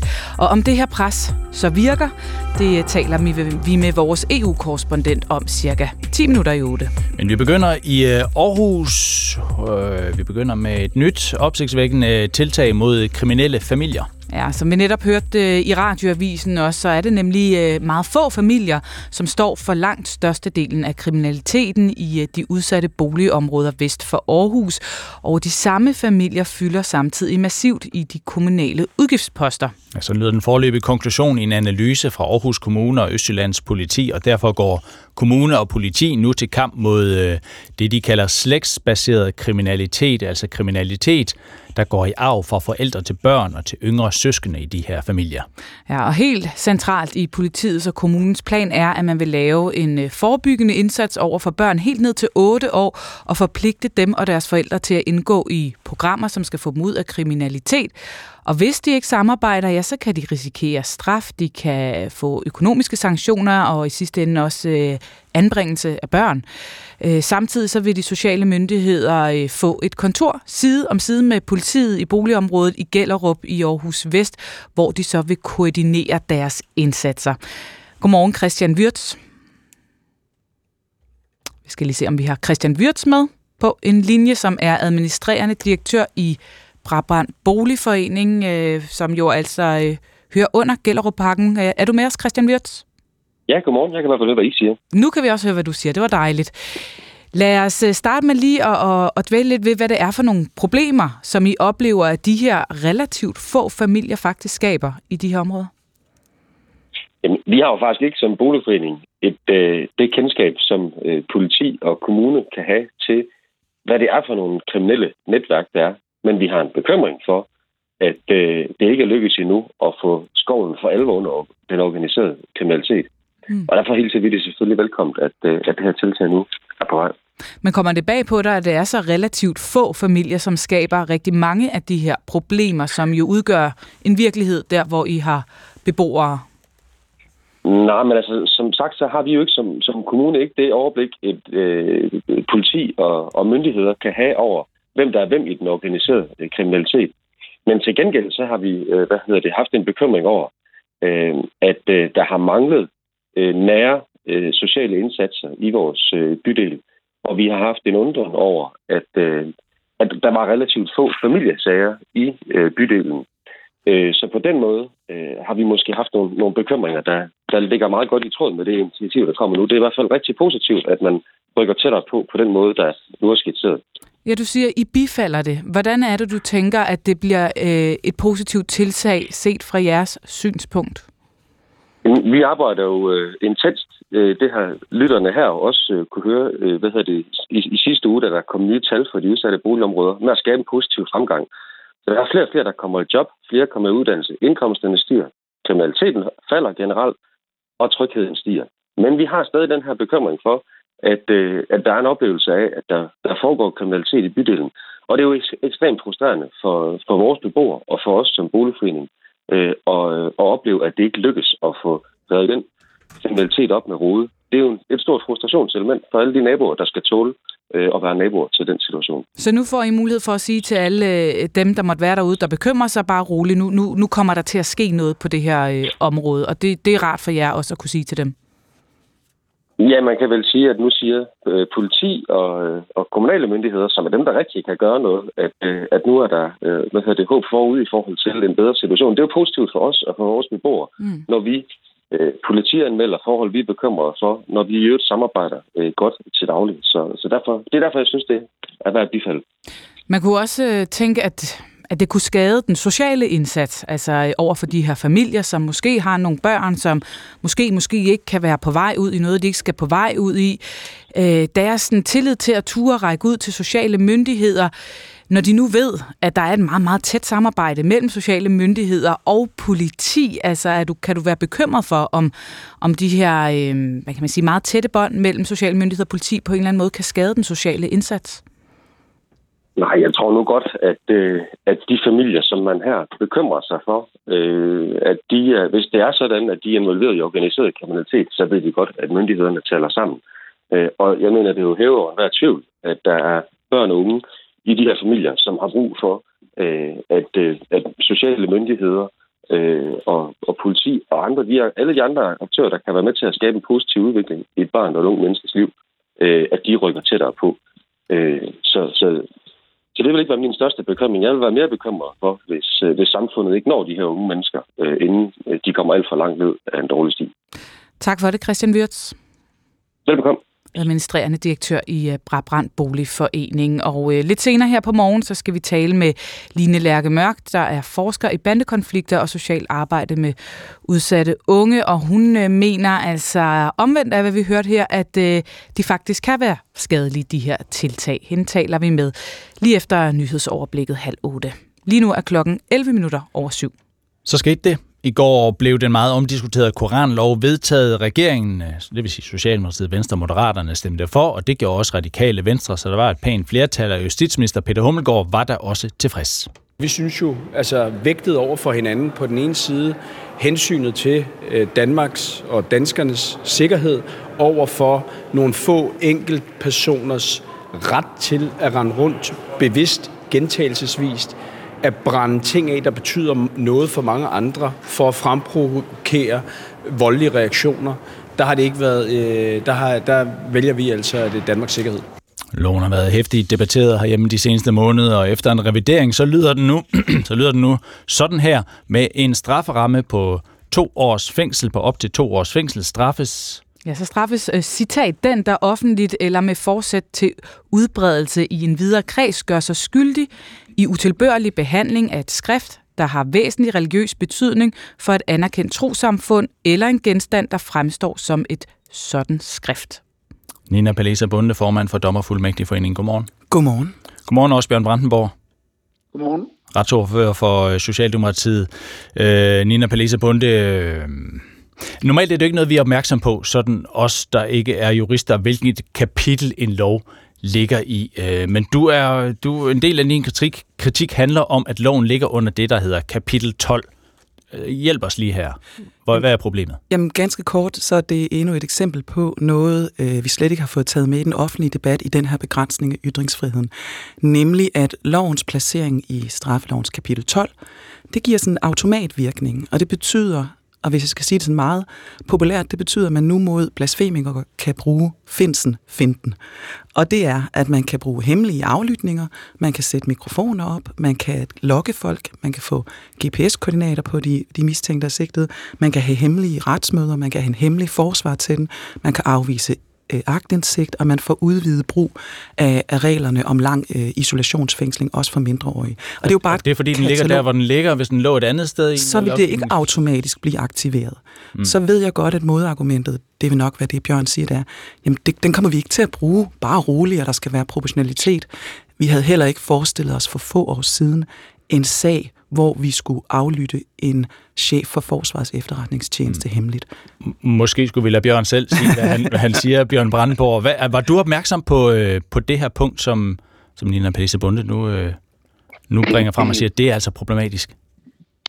Ja, men jeg er sådan set heller ikke enig i, at det ikke er noget, der har været diskuteret. Altså hele grundlaget for, at vi har stillet det her lovforslag, har handlet om, om sikkerhed, og det er derfor, at det er placeret i øh, kapitel 12, der handler om øh, statens sikkerhed, og ikke alle mulige andre steder, som, som Nina og andre jo også løbende har, har foreslået, at man kunne, øh, kunne placere øh, den her øh, paragraf. Og så er det rigtigt, at i den paragraf, der, der bliver der givet de muligheder yderste konsekvens, men altså, jeg tror, man skal være opmærksom på, og det ved Nina øh, jo også godt, at hvis man skal foretage en, øh, en aflytning, så kræver det en retskendelse fra en dommer, og så er man så gå ned til Nina og hendes kolleger og få en retskendelse, og man vil også skulle vægte mod proportionalitet, altså om den forbrydelse, der bliver begået, mm. om den, den, den står mål med, at man uh, tager de her værktøjer i brug.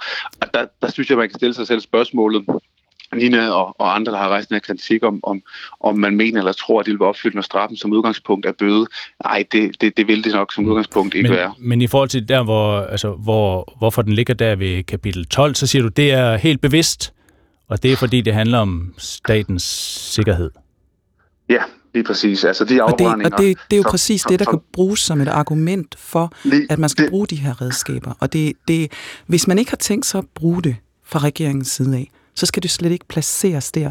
Muligheden må man slet ikke åbne. Det er det helt store principielle diskussion i det her, og det helt store principielle problem. Og det har ikke været diskuteret med et eneste ord. Jeg har mm. læst og hørt alt, der er sagt det her.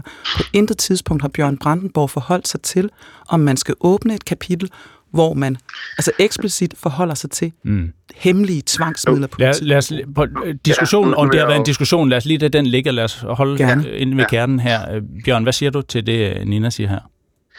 Nu, nu er det svært, når man er med over telefon, sådan at få mulighed for at, at bryde ind, men, men øh, jeg, jeg er ikke enig i, at det her ikke har været diskuteret, øh, det her lovforslag grundigt, og også at det er placeret i, i straflovens kapitel 12. Altså, jeg mig bare minde om, at da vi havde første behandling af det her forslag, der stod jeg selv i Folketinget, øh, på, på, på Folketingets talerstol mm. i, i en times tid. Det gjorde mine politiske kolleger også. Der blev besvaret 136 mundtlige spørgsmål, der er besvaret 213 skriftlige spørgsmål, der har været en øh, lukket høring, der har været en åben høring, hvor Nina selv har haft mulighed for at komme og bidrage med de kritikpunkter, hun har haft. Der har været inputs mm. fra øh, alle dem, der har lyst til at bidrage i en åben høring. Så alle de uklarheder, der har været i det her for det her lovforslag forud for behandling, er blevet besvaret og har været en meget, meget grundig debat, vi faktisk har haft siden juli måned. Mm. Når vi så har placeret den i det her kapitel, så er det jo fordi, at hele baggrunden, baggrundstæppet for den her diskussion er, at, som jeg også spillede et klip fra med justitsministeren før, at de afbrændinger, der har været, 500 og nogle 16-17 stykker siden sommerferien har medført, at der er en større trussel øh, mod Danmark, en, en øget sikkerhedstrussel. Og det er jo så det, vi tager bestik af med, med, med det her lovforslag. Mm. Men jeg er jo enig i, at man påstår, at det her ikke har været debatteret. Selvfølgelig har det det. Mm. Men, men du taler om sikkerhed. Hvad er det for en sikkerhed, du i mener, Koranloven giver Danmark nu? Jamen, den giver i hvert fald vores, mulighed, vores myndigheder mulighed for at gribe ind over for nogle handlinger, som har haft en meget, meget stor påvirkning på trusselsniveauet mod Danmark. Det er noget, vores egen efterretningstjeneste og andre efterretningstjenester også har vurderet, at de handlinger jo primært begået, som der blev sagt, af en lille gruppe mennesker foran udlandske ambassader, med det ene formål at få en reaktion og skabe ustabil sikkerhedssituation, øh, at det giver man nu mulighederne, myndighederne mulighed for at kunne, kunne gribe ind overfor. Du siger jo selv ordet grib ind, Bjørn Brandenborg. Det man gør, det er, det er jo ikke, for, det er jo ikke Firouzja Bashar Khan, der er farlig. Det er nogle terrorister, som truer Ferocia. Nu tager du de redskaber, som man normalt bruger mod terrorister og folk, som, som, som aktivt vil skade Danmark og, Og vender dem Ferocia, imod det er den iranske- den iranske kunstner, som ja. rev en koran på et rivjern for at demonstrere mod den iranske præstestyre. Hun gjorde det ikke for at forhåne troende, hun gjorde det ikke for at forhåne muslimer, hun gjorde det for at, at rejse politisk og religiøs kritik. Hun bliver omfattet af det her, og mod hende har du åbnet et kapitel, hvor man kan bruge de samme tvangsindgreb mod en kunstner, som man kan imod terrorister. Regeringen har vendt det på hovedet. Man beskytter dem, som er udsat for truslen, dem, dem, dem udsætter man nu for, for de her tvangsmidler, eller muligheden for de her tvangsmidler. Og nej, det har ikke specifikt været diskuteret. Og jeg synes, man skal være åben om det her, fordi vi havde ikke set for os, at man vil bruge mm. det mod Finsen. Og bare det, at muligheden er der, det gør jo, at det er et godt redskab, hvis man, og nu citerer jeg, hvad regeringen siger, gerne vil beskytte, beskytte Danmark og danske interesser. Hvorfor i alverden skulle man så ikke bruge de her hemmelige, effektive Bjørn, tvangsindgreb? Bjørn Brand, hvor vender det lidt på hovedet, det her? Altså, det er jo rigtigt nok, at der kan, nogen kan blive ramt af den her lovgivning, som er ikke dem, I ønsker at, at få stoppet. Jeg, jeg tror, det øh, står klart for stort set alle danskere, tror jeg, hvad formålet med det her lovforslag er. Og det er at kunne håndtere den situation, der har været, hvor en meget lille gruppe mennesker har udsat øh, Danmark, danskernes sikkerhed, danske interesser for en enorm stor sikkerhedstrussel ved fortsat gentagende gange at stå foran udlandske ambassader øh, og afbrænde øh, primært koraner af. Det er det, der er formålet med, at vi nu har et lovforslag, der gør det muligt for vores myndigheder at, at gribe ind. Og så er jeg, jeg er ikke enig i, at, at, øh, det, der bliver sagt med, at, at at, at, øh, at det, det kan få utilsigtede konsekvenser, og man prøver at sammenligne det med alle mulige andre straffesager. Det synes jeg, man skal holde sig for god til. Altså, jeg synes, man skal huske på, at ligesom i alle andre sager, så kigger man på, hvad er det for en, en øh, forbrydelse eller strafbar handling, der bliver begået over for proportionalitet. Og, og så kan man jo så spørge en, en dommerfuldmægtig eller andre mm. dommer, om man mener, at det vil være opfyldt, når, når straffen som udgangspunkt er bøde, og som udgangspunkt vil være bøde i mange tilfælde. Min bedste vurdering er, og det der er vurdering for mange jurister, er jo også, at det vil det jo ikke være. Du har selv nævnt, at nogle af de her afbrændere har gjort det mere end 500 gange. Det er en-to personer. Den ene har den seneste måned gjort det 54 ud af de 55 gange, der har været anmeldt demonstrationer.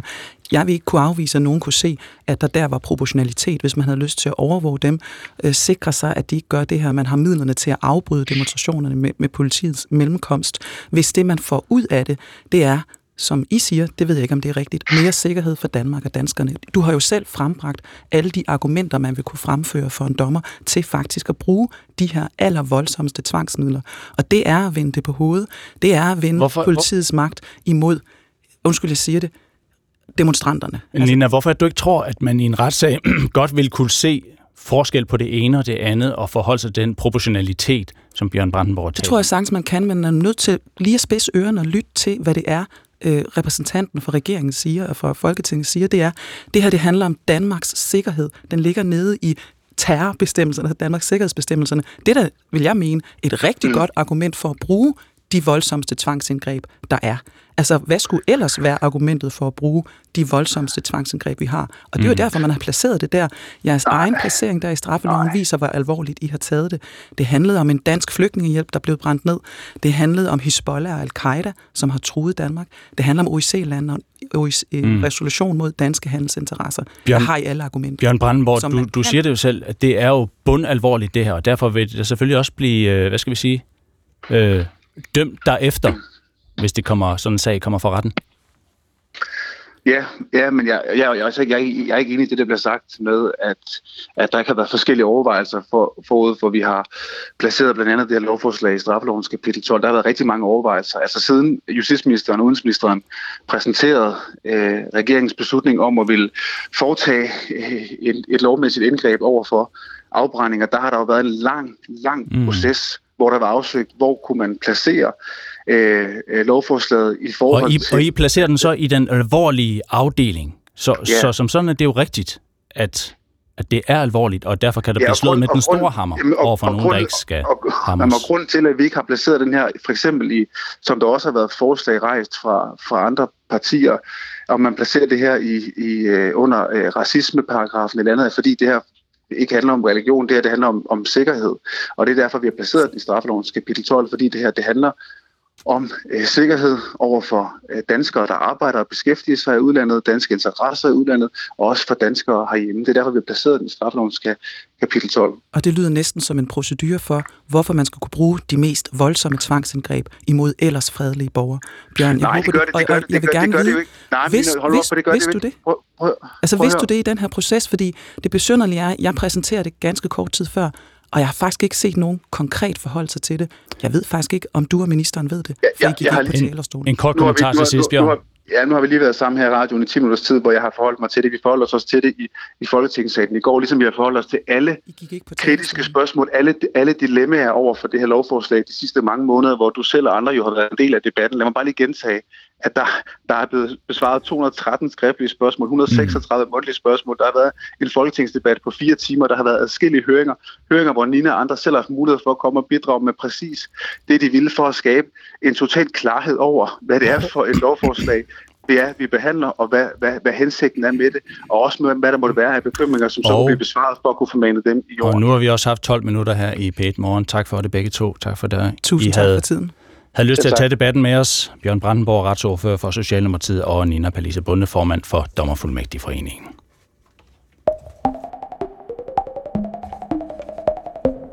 Vi har hørt meget om øh, Rafah, grænseovergangen mellem Gaza og Ægypten, og nu er der så håb om, at øh, Israel vil åbne endnu en grænseovergang, så der kan komme mere nødhjælp ind til de over 2 millioner civile palæstinenser, øh, som er i Gaza. Det siger FN.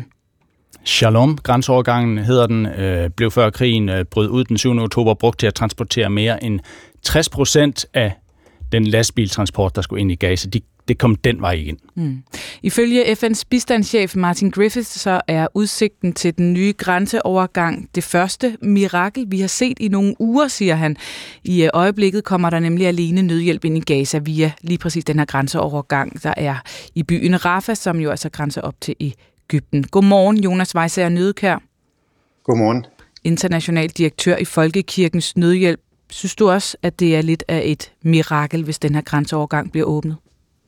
Ja, hvis den åbner, og hvis krigens parter kan blive enige om, at man skruer op for antallet af lastbiler, der kommer ind over den her grænseovergang, så det er klart, så, så, bliver, så åbner det for, for håb for den store del af befolkningen, der sidder nede i den sydlige del af Gazastriben. Hvis lægger du øh, tryk på her? Du tør ikke helt tro på det. Nej, jeg synes, det er for tidligt at, at, at tro på. Jeg synes også, vi bliver nødt til at se, hvad er det for nogle omstændigheder, man nu vil åbne under? Altså, hvor mange lastbiler, hvad for en inspektion skal der være? Hvor hurtigt kan det gå? Hvordan får man distribueret den nødhjælp, der så vil blive aflastet lige på den anden side af grænsen ind i Gaza, videre ud i Gazastriben? Altså, de ting har jo også været ekstremt udfordrende ved, øh, ved den nødhjælp, der er kommet ind over Rafah.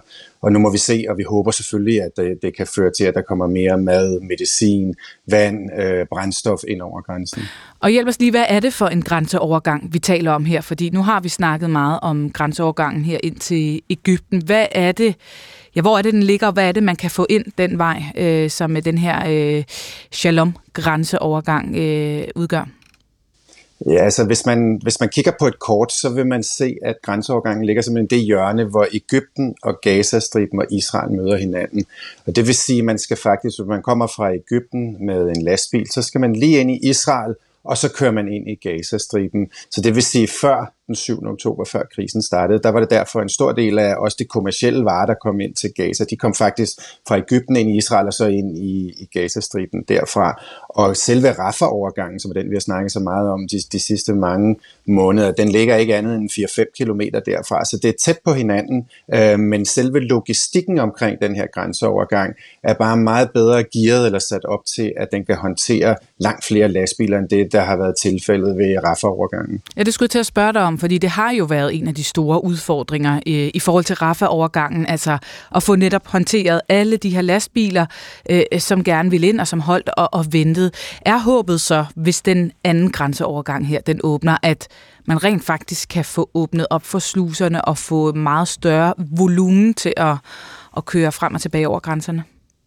Ja, det er håbet, og det er også håbet, fordi det faktisk var den grænseovergang, hvor israelerne lavede inspektionen, også inden krigen startede. Det vil sige, at det logistiske setup der bør kunne håndtere et langt større antal øh, lastbiler, end det vi har set ved Rafah. Så derfor er håbet, men det er klart, det forudsætter selvfølgelig, at der kommer et stop i kamphandlingerne. For det, man skal huske lige nu, det er den befolkning, der sidder i den sydlige del af Gaza, hvor de blev bedt om at tage hen.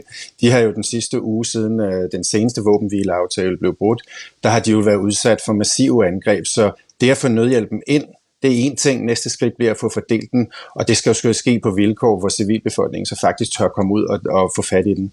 Og hvordan kan det være, at det så har været Rafah-overgangen, som har været helt central her i, øh, i krigen indtil nu, og ikke den anden? Altså hvorfor har den været lukket, og den anden åben? Det tror jeg, der er flere forskellige forklaringer på. En af dem er, at det er den direkte overgang mellem Ægypten og Gaza. Det vil sige, det er, der er man slet ikke inde på israelsk jord. Det man skal vide, det var også, at den her Karim Shalom-overgang, som vi nu snakker om, det var en af de overgange, der blev angrebet af Hamas den 7. oktober. Det var den vej, de trængte ind i Israel. Så derfor har der selvfølgelig også foregået en hel masse undersøgelser, formoder jeg, antager jeg, fra de israelske myndigheder, før man måske så nu er i stand til at kunne åbne op for den. Og potentialet, hvis, hvis, hvis den bliver åbnet, hvor, hvor stort er det? Jamen altså, hvis, hvis vi kigger på det før den 7. oktober, så kørte der op mod 500-600 lastbiler ind over den grænseovergang, og det er selvfølgelig det, vi håber, at det kan komme op bare i nærheden af det antal. Det vil være fantastisk. Og sidder du lige nu og, øh, og holder skarpt øje på meldinger, og øh, holder jeg klar til at ja, navigere efter, øh, hvad der kommer til at ske dernede? Det kan du tro, jeg gør. Jeg er i kontakt med mine to kollegaer, der er inde i Gazastriben, og spørger selvfølgelig også, hvad de hører indenfra. Så I holder jeg også klar til at, at kunne køre nødhjælp ind, eller hvordan er det vi holder os klar til at tage imod nødhjælpen på den anden side, og håber selvfølgelig også, at der kommer en våbenhvileaftale, for det er altså en vigtig forudsætning. Tak for at være med her til morgen, Jonas Weissager Nødkær. Selv tak. International direktør i Folkekirkens Nødhjælp. Og som det klokken er halv otte, vi har i studiet igen besøg af Niels Christian Lang med et nyhedsoverblik. Værsgo. Nogle få familier står for langt størstedelen af kriminaliteten i de udsatte boligområder vest for Aarhus. Nu vil kommunen så sætte ind over for, hvad den kalder for slægtsbaseret kriminalitet. Det siger den socialdemokratiske rådmand for sociale forhold og beskæftigelse, Anders Vinderskjold. Vi har sådan en helt vild kriminelle familier, som, øh, som vi bruger øh, utroligt mange ressourcer på, og det er et kæmpe problem for vores by, for vores land, og et problem for de børn, som, som ikke har noget valg om at blive født ind i de her familier. Kommunen og politiet vil nu sætte ind med hjælp til børnene i familierne allerede fra 8-årsalderen. Og hvis ikke forældrene vil samarbejde, så risikerer familierne både anbringelse af børnene og økonomiske sanktioner, siger Anders Vinderskjold. 83 procent af de penge, Danmark har givet til de fattigste lande i klimabistand, er siden 2016 blevet taget fra udviklingsbistanden. Det viser tal fra Udenrigsministeriet, som DR har gennemgået. Dermed går vores klimabistand ud over sundhed og uddannelse i de fattige lande, og er i øvrigt i strid med de aftaler, vi har lavet, siger Lars Kok, der er generalsekretær i Oxfam Danmark, der arbejder for lige rettigheder i verden. Det mål, man egentlig satte op, det var, at man ville finde nogle ekstra penge, fordi at det er rige lande som Danmark, der har forårsaget klimakrisen. Regeringen har netop besluttet at give 175 millioner til en ny international fond for tab og skader i fattige lande som følge af klimakatastrofen. De penge er også taget fra udviklingsbistanden. Vi tænker ikke så meget på klimaet, når vi køber ind, som tidligere, ifølge en undersøgelse fra Madkulturen, der hører under Ministeriet for Fødevare, Landbrug og Fiskeri, så er det i dag kun 56 procent af os, der synes, at det er vigtigt at handle klimavenlig mad. I 2019 var det 70 procent. Det er sundhed og pris, der nu er i fokus, øh, og vi er lidt opgivet øh, klimaet lyder det her fra Madkulturens direktør, Judith Køst. Og klimaet i dag, det er gråt, men tørt indtil i eftermiddag, hvor der så kommer sne, slud og regn ind fra sydvest. 0-3 grader varme og en let til frisk vind fra sydøst. Man skulle ikke øh, tænke, at der de store manglede øh, straffesager og retssager i toppen af amerikansk politik lige nu. Det tror jeg heller ikke, de synes, de gør. Nej, men øh, ikke desto mindre, så øh, er der endnu en på øh, dagsordenen.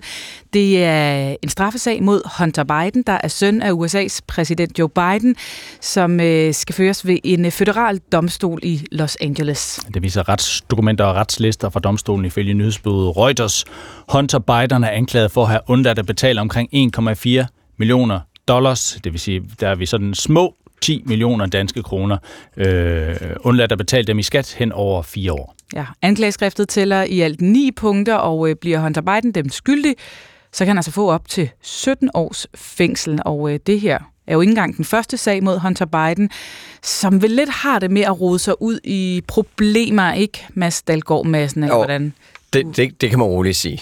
Du er tidligere indrigspolitisk rådgiver øh, ved den danske ambassade i Washington. Altså, i, i problemer igen, hvor alvorligt er det? Øhm, både for Hunter Biden, men måske mest interessant for hans far, Joe Biden. Ja, det er selvfølgelig alvorligt for, for Hunter Biden. Jeg skal sige, det er ikke nogen overraskelse, at den her sag kommer mod Hunter Biden, fordi den er et resultat af den, øh, den, den handel, som der gik fuldstændig i smadret over sommeren, som han prøvede at lave med Justitsministeriet, hvor han prøvede at indgå en handel med Justitsministeriet om at erklære sig skyldig, øh, hvorimod at den her skattesag og så en tidligere sag omkring en våben, altså at han har købt et våben, hvor han har løjet på en våbenform om, at han har en historie om stofmisbrug, jamen de to sager, dem vil han erklære sig skyldig i, og så øh, vil de sådan set gå væk. Øh, men, men den handel, den faldt fra, fuldstændig fra hinanden, så nu kommer de her to sager. Nu skal han møde op i de her retssale i løbet af 2024. Øh, så det er i sig selv alvorligt. Men det er jo nok mest politisk alvorligt for øh, hans far, øh, øh, Joe Biden, fordi det her, det kommer til, altså man kan nærmest forestille sig det her split screen moment, hvor der er en med Biden efternavn, der går ind i en retssal, og så er der en, der hedder Trump, der går ind i en retssal, og det kommer til at skabe et fuldstændig skud og mudder billede over for vælgerne, der kommer til at minimere den politiske skade af de retssager, som Donald Trump han kommer til også at skulle igennem i 2024. Så ligesom der går inflation i mælk og smør nu om dagen, jamen så er der også gået inflation i de her retssager, som har politiske konsekvenser i USA. Mm. Så hvordan forholder far Joe Biden sig til, øh, til den her straffesag? Jamen, han har sådan set hele vejen igennem, fordi han jo udmærket, udmærket godt ved, at det her det er politisk sprængfarligt, så har han hele vejen sagt, hele tiden sagt, vi er, jeg forsøger ikke at blande mig i den her retssag. Jeg har sådan set i virkeligheden givet den særlige øh, øh, anklager i Justitsministeriet, har jeg givet særlig status, så han nu ikke rigtig kan røres ved af det politiske system eller administrationen. Så han følger ligesom alle reglerne. Han gør meget ud af, at der bliver, alle regler bliver fuldt, altså at retssystemet det fuldstændig fungerer uafhængigt af det politiske system, netop fordi han godt ved, hvad for et argument, der kommer fra Donald Trump og republikanerne, at det her, det er bare Joe Biden, det er Biden, øh, Justitsministeriet, der prøver at give hans søn en, øh, en fin lille sweetheart deal, som de mm. kalder det. Og hvor meget vinder han så ved det? Altså hjælper det noget, at han, han holder det lidt ud i udstrakt arm og siger, nu skal retten gå sin gang, og jeg blander mig ikke, og det skal køre efter alle lov og paragrafer, der findes? Det er svært at spekulere om øh, lige nu, men vi, vi må se, hvordan meningsmålingerne og, og, og altså, ja, meningsmålinger gennem øh, valgkamp, hvordan kommer de til at være på det her øh, punkt? Men, men øh, fordi det her det kommer til at afsmitte meningsmålingerne på Donald Trumps retssager også, fordi at det, det netop kommer til at være sådan sidestillet.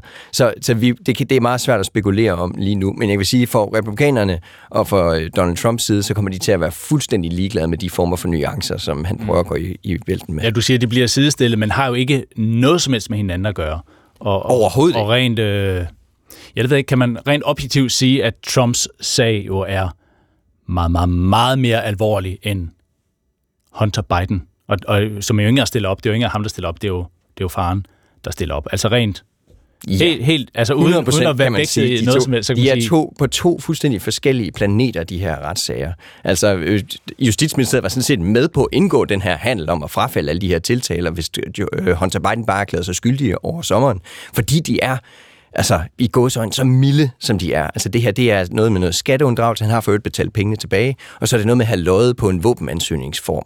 Det er, altså, det er slet ikke sammenlignet med at prøve at omstøde det amerikanske demokrati øh, mm. til 6. januar og have, fuldstændig øh, topfortrolige dokumenter på sit badeværelse i Mar-a-Lago, og så videre, og så videre, og så videre. Mm. Det er slet ikke sammenlignet, men det er jo, altså, det er jo et øh, journalistisk øh, nuancespørgsmål, som der fuldstændig kommer til at gå tabt i, i en amerikansk valgkamp. Der er det et spørgsmål om at få et indtryk af, at de i virkeligheden ikke alle sammen Og indtrykket kommer, når man står der, så kigger man op på tv-skærmen, så kan man se, at der er noget Biden i noget retssag, og der er noget Trump i noget retssag. Potato, potato. Lige præcis. Og det er i hvert fald det, republikanerne Altså, ja. du, du kan næsten høre champagnepopperne øh, springe i dag. Fordi det er jo ikke bare én, men det er to retssager. Det er ret vigtigt, at det er to retssager, fordi jamen, så er det flere retssager. Ligesom det med Donald Trump er flere retssager. Altså, der er bare så mange, at det er svært at finde hoved og hale i. Og det Stor er det, lille.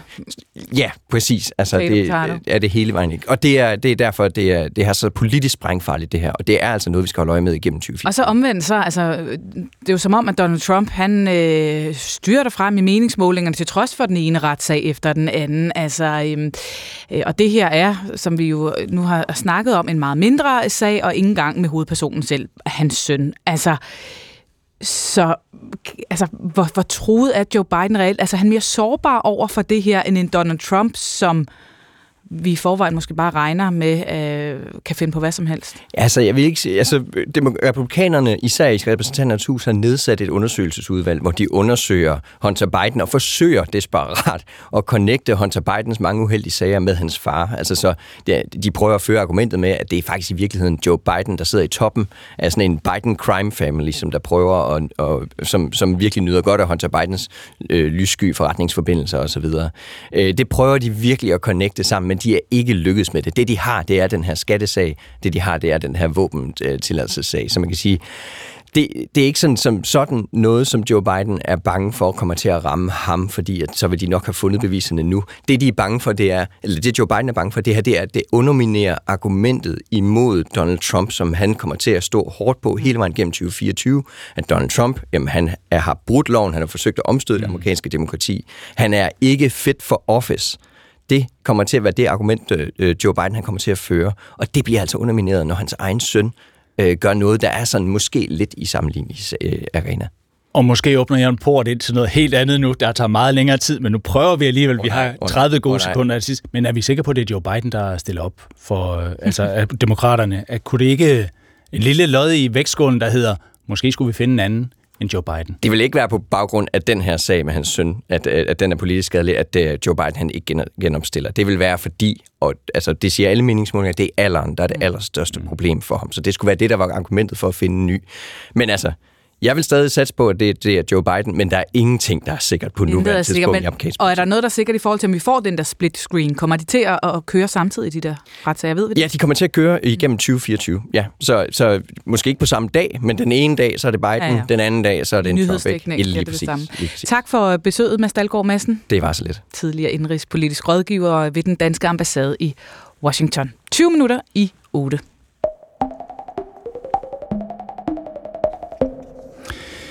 En øh, lille håndfuld familier står bag langt størstedelen af den kriminalitet, øh, der er i de udsatte boligområder vest for Aarhus. De øh, samme familier, det er de samme familier, der fylder massivt øh, i de kommunale udgiftsposter.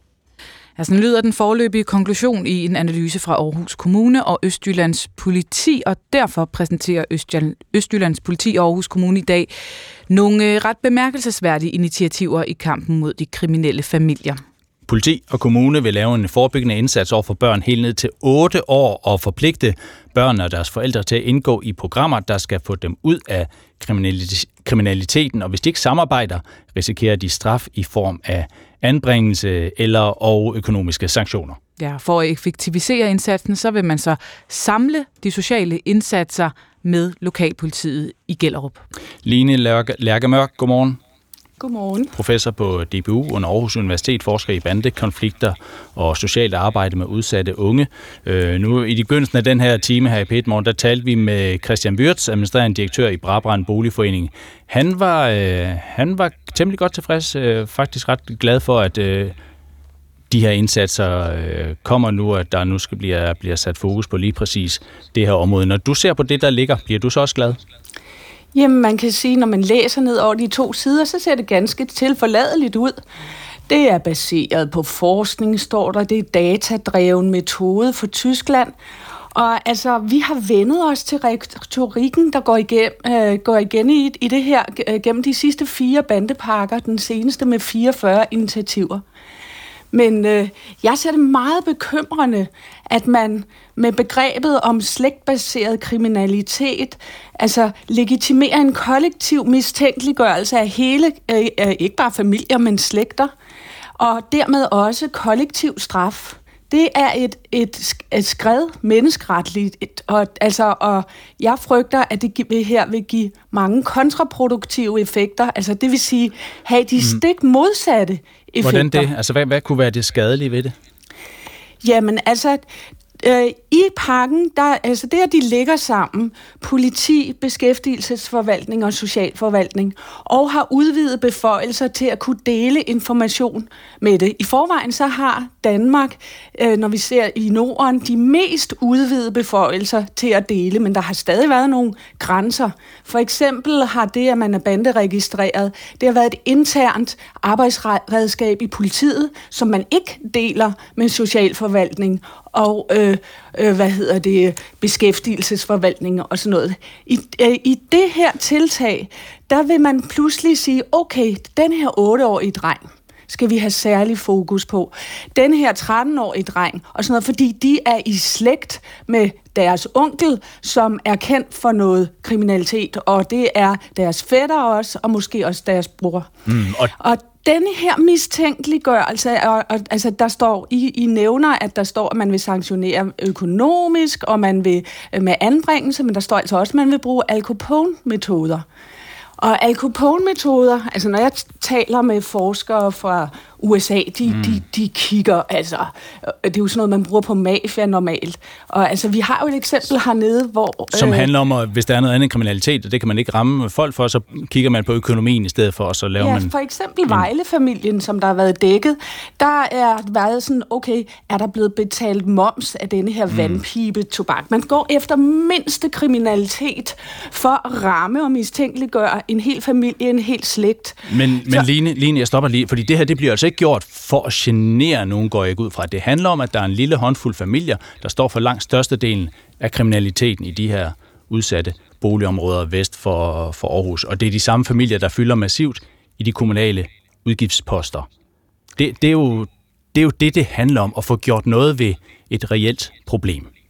Og hvis vi ser på forskningen, altså jeg har de sidste fem år øh, forsket i forebyggelse, og det er, der har det været, øh, det er på omkring øh, Bloggers Plads, Indre Nørrebro, et projekt, der hedder Aktiv Drenge. Der har det været helt centralt. Der er også nogle drenge, der har nogen, øh, en bror eller en fætter, der er involveret i bandekriminalitet og sådan noget. Der har det været helt centralt, at man sætter parentes om bande, og man siger forebyggelse. De har lavet et værested, der ligger tæt på socialforvaltning og beskæftigelsesforvaltning, øh, øh, men det er et værested, hvor de kan hænge ud, og familierne føler sig trygge, og medarbejderne de har brugt år på at opbygge en tillid. Det vi så i forskningen, det er, at den, altså tilliden er fundamentet for, at man kan hjælpe de her familier med den helhedsorienterede forebyggelse, som der er brug for. Og, Men tilliden er også meget skrøbelig.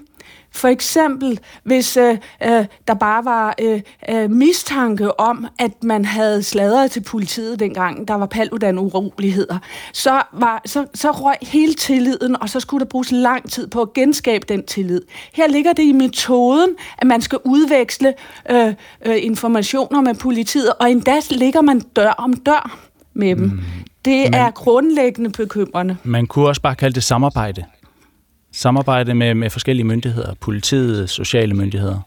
Men der er lovgivning mod, at man ikke må det i Norden. Altså, når de ser fra Sverige og Norge og kigger på, hvordan vi i forvejen har ret til i SSP-regi at dele informationer, og det er vel at mærke kun, hvis en information kan forebygge en konkret kriminalitet for en barn, altså en ung mellem 15 og 18 år. Altså der skal være meget konkret grund til, at man deler. Her lyder det til, at man pludselig kan dele for en helt slægt og sige, okay, ham der, der ikke kommer så meget i skole, hans øh, onkel er, er blevet set sammen med, med de her rocker eller øh, et eller andet. Altså så man, man pludselig kæder man mistænkeliggørelsen ned til, at øh, skal han mund anbringelses eller ej. Altså den der, Line... at man kæder det hele sammen, det er mm. meget bekymrende. Men siger du, man bryder loven? Jeg vil, altså i bandepakke 4, der skriver politikerne, at hvis det ikke er lovligt, det der står i bandepakken, så vil de ændre lovgivningen, så det bliver lovligt. Jeg vil tro, det her skal ændre lovgivningen. Mm. En sidste pointe, du siger, at man ligesom mistænkeliggør en hel slægt, en hel familie. Man kunne jo omvendt sige, at måske var det også hensigtsmæssigt over for den 8-årige i den her familie, hvis vi ved, at der er et mønster, der går igen, at de er meget unge, når de bliver vævet, at det også var i det her barns tag, at man tog fat øh, om at være opmærksom på en 8-årig allerede, altså inden at, det, øh, at han eller hun ender i kriminalitet? Og det skal der være i forebyggelsen. Og det, der er bemærkelsesværdigt her, det er, at man retter det efter flygtninge eller øh, etniske minoritetsfamilier. Når vi har interviewet nogen fra Aarhus, der var det en, hvor storebroren var med i AK81, så var lillebroren, der kom med ind i AK81. Ja, i familien, der, der, der var der en, en politiradio og så videre. Altså, det var etnisk danske familier. Alle skal have en forebyggelse. Alle skal have social tiltag, så de ikke kommer ind i det. Men det skal ikke være sådan, at man laver et specialtiltag, der lige rammer de her særlige familier. Det vil gøre, at mm. de vil gøre alt for ikke at, at samarbejde, og så bliver de straffet ekstra. Fordi det er det, der står, samarbejder de ikke med myndighederne, så... Øh, øh, bliver de øh, øh, sanktioneret. Og, men man ønsker ikke at samarbejde, hvis hammeren står lige over en, og der står, at de skal fravælge kriminalitet. Mm. Man kan ikke styre hele sin slægt og sige, at ingen i min slægt må være kriminelle, øh, og ellers falder hammeren. Det er jo sådan, det kan et individ ikke. Og det der, man Så. kollektivt baserer straf, det er meget bekymrende. Ine Lærkemørk, tak for det. Tak for at være med os professor på DPU under Aarhus Universitet. 12 minutter i 8. Skal vi? Altså... Åh, oh, så kom med det. Kommer der en afslutning Vip! Øj! Sikke en scoring! I det næst sidste sekund for Matsumoto, der stort set ikke har spillet det her opgør, kommer ind, og japanerne gør det, som de så tit gør. De her elegante, frække vip, og så vinder de. Gud hjælpe mig! 27-26 over forstenede danskere. Det er, hvad vi godt kan kalde for en katastrofe. Ja, i håndbold, en håndboldmæssig katastrofe. Ah kan vi kalde det. Vi øh, og det, ja, Danmark tabte til Japan ved VM i håndbold i går, og i politikken lyder overskriften, eller i karakterbogen, et halvt dansk hold dumper efter et af historiens mest chokerende nederlag. Og Ekstrabladet skriver, hvad var det lige, der foregik Danmark?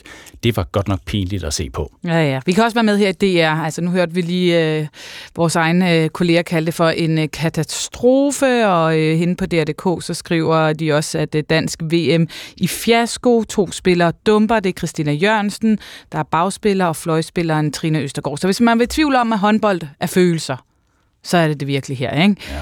Træner for kvindelandsholdet Jesper Jensen, han kan hive sig op til os at sige, at det var en frustrerende kamp.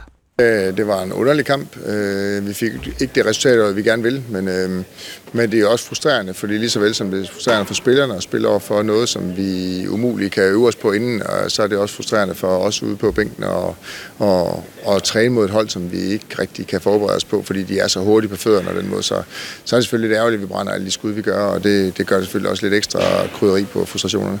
Ja, det er noget, der gør ondt, siger øh, trænerne. Det siger også målvogter Sandra Toft. Jamen, det var det ved jeg ikke. Det er sådan frustrerende. Vi haltede efter øh, hele kampen, og vi har det rigtig svært i dag. Det kan man jo også se på, på vores spil. Øh, så det er et øh, nederlag, der, der går ondt. Ja, der er mange, der er skuffet. Det var Mi Højlund.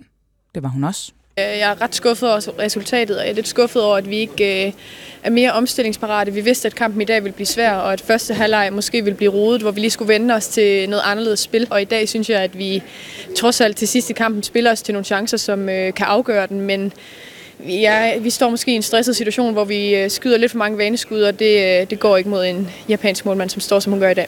Hele det danske hold var selvfølgelig skuffet. Der var også nogen, der ikke var der var nogen, der var meget godt tilfreds. Japanerne, det var en god aften. Japanerne for eksempel, øh, vi skal lige høre den japanske målvogter, øh, hun siger sådan her.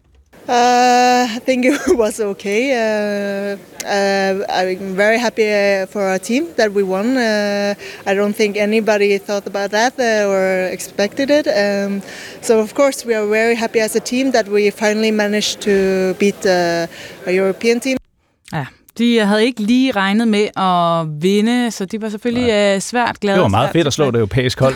det var meget okay. ja. ja, jeg tror, at man må sige, det var jo altså også bare den øh, komplette nedtur, efter at de jo ellers sønder smadrede Rumænien. Ja. Altså, så nå, der ja, ja. er genrejsning til gode. Ja, ja, og, og det danske hold kan nå det endnu. Øh, der er to kampe her i mellemrummet. Det er mod Polen lørdag, Tyskland mandag, og hvis de vinder de to kampe, så er Danmark videre til kvartfinalen ved VM. Men øh, det var jo planen at vinde over Japan, fordi så havde man lidt mere snor at give Det er typisk sidst, dansk. Det skal Men, altid øh, være lidt for spændende. Ja, det bliver det altså.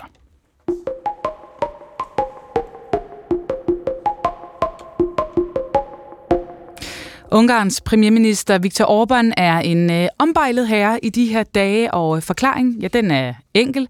Den ungarske premierminister, han kan nemlig være manden, som i næste uge spænder ben for Europas støtte til Ukraine. Ja, det ønsker stort set alle EU-ledere at forhindre Ungarn i at gøre, og derfor er en række EU-ledere for øjeblikket i gang med at lægge sådan et, øh, et massivt pres på Viktor Orbán. Ja, der blev for eksempel ringet fra det, øh, den spanske premierminister Pedro Sanchez, og øh, Orbán blev også inviteret op til et besøg i Élysée-palæet i Paris for at snakke lidt med Macron om den sag. Spørgsmålet er så, om, øh, om det virker på Orbán, når øh, de europæiske ledere de lægger pres på ham. Godmorgen, Ole Ryborg. Godmorgen. DR's EU-korrespondent med for Bruxelles. Hvad ved vi om, hvad der kom ud af mødet i aftes mellem øh, Macron og Orbán? Ja, det var mig selv, der har foreslået, at vi skulle starte med, at I skulle starte med at spørge mig om det. Øh, og det var det et dårligt forslag, du kom med der?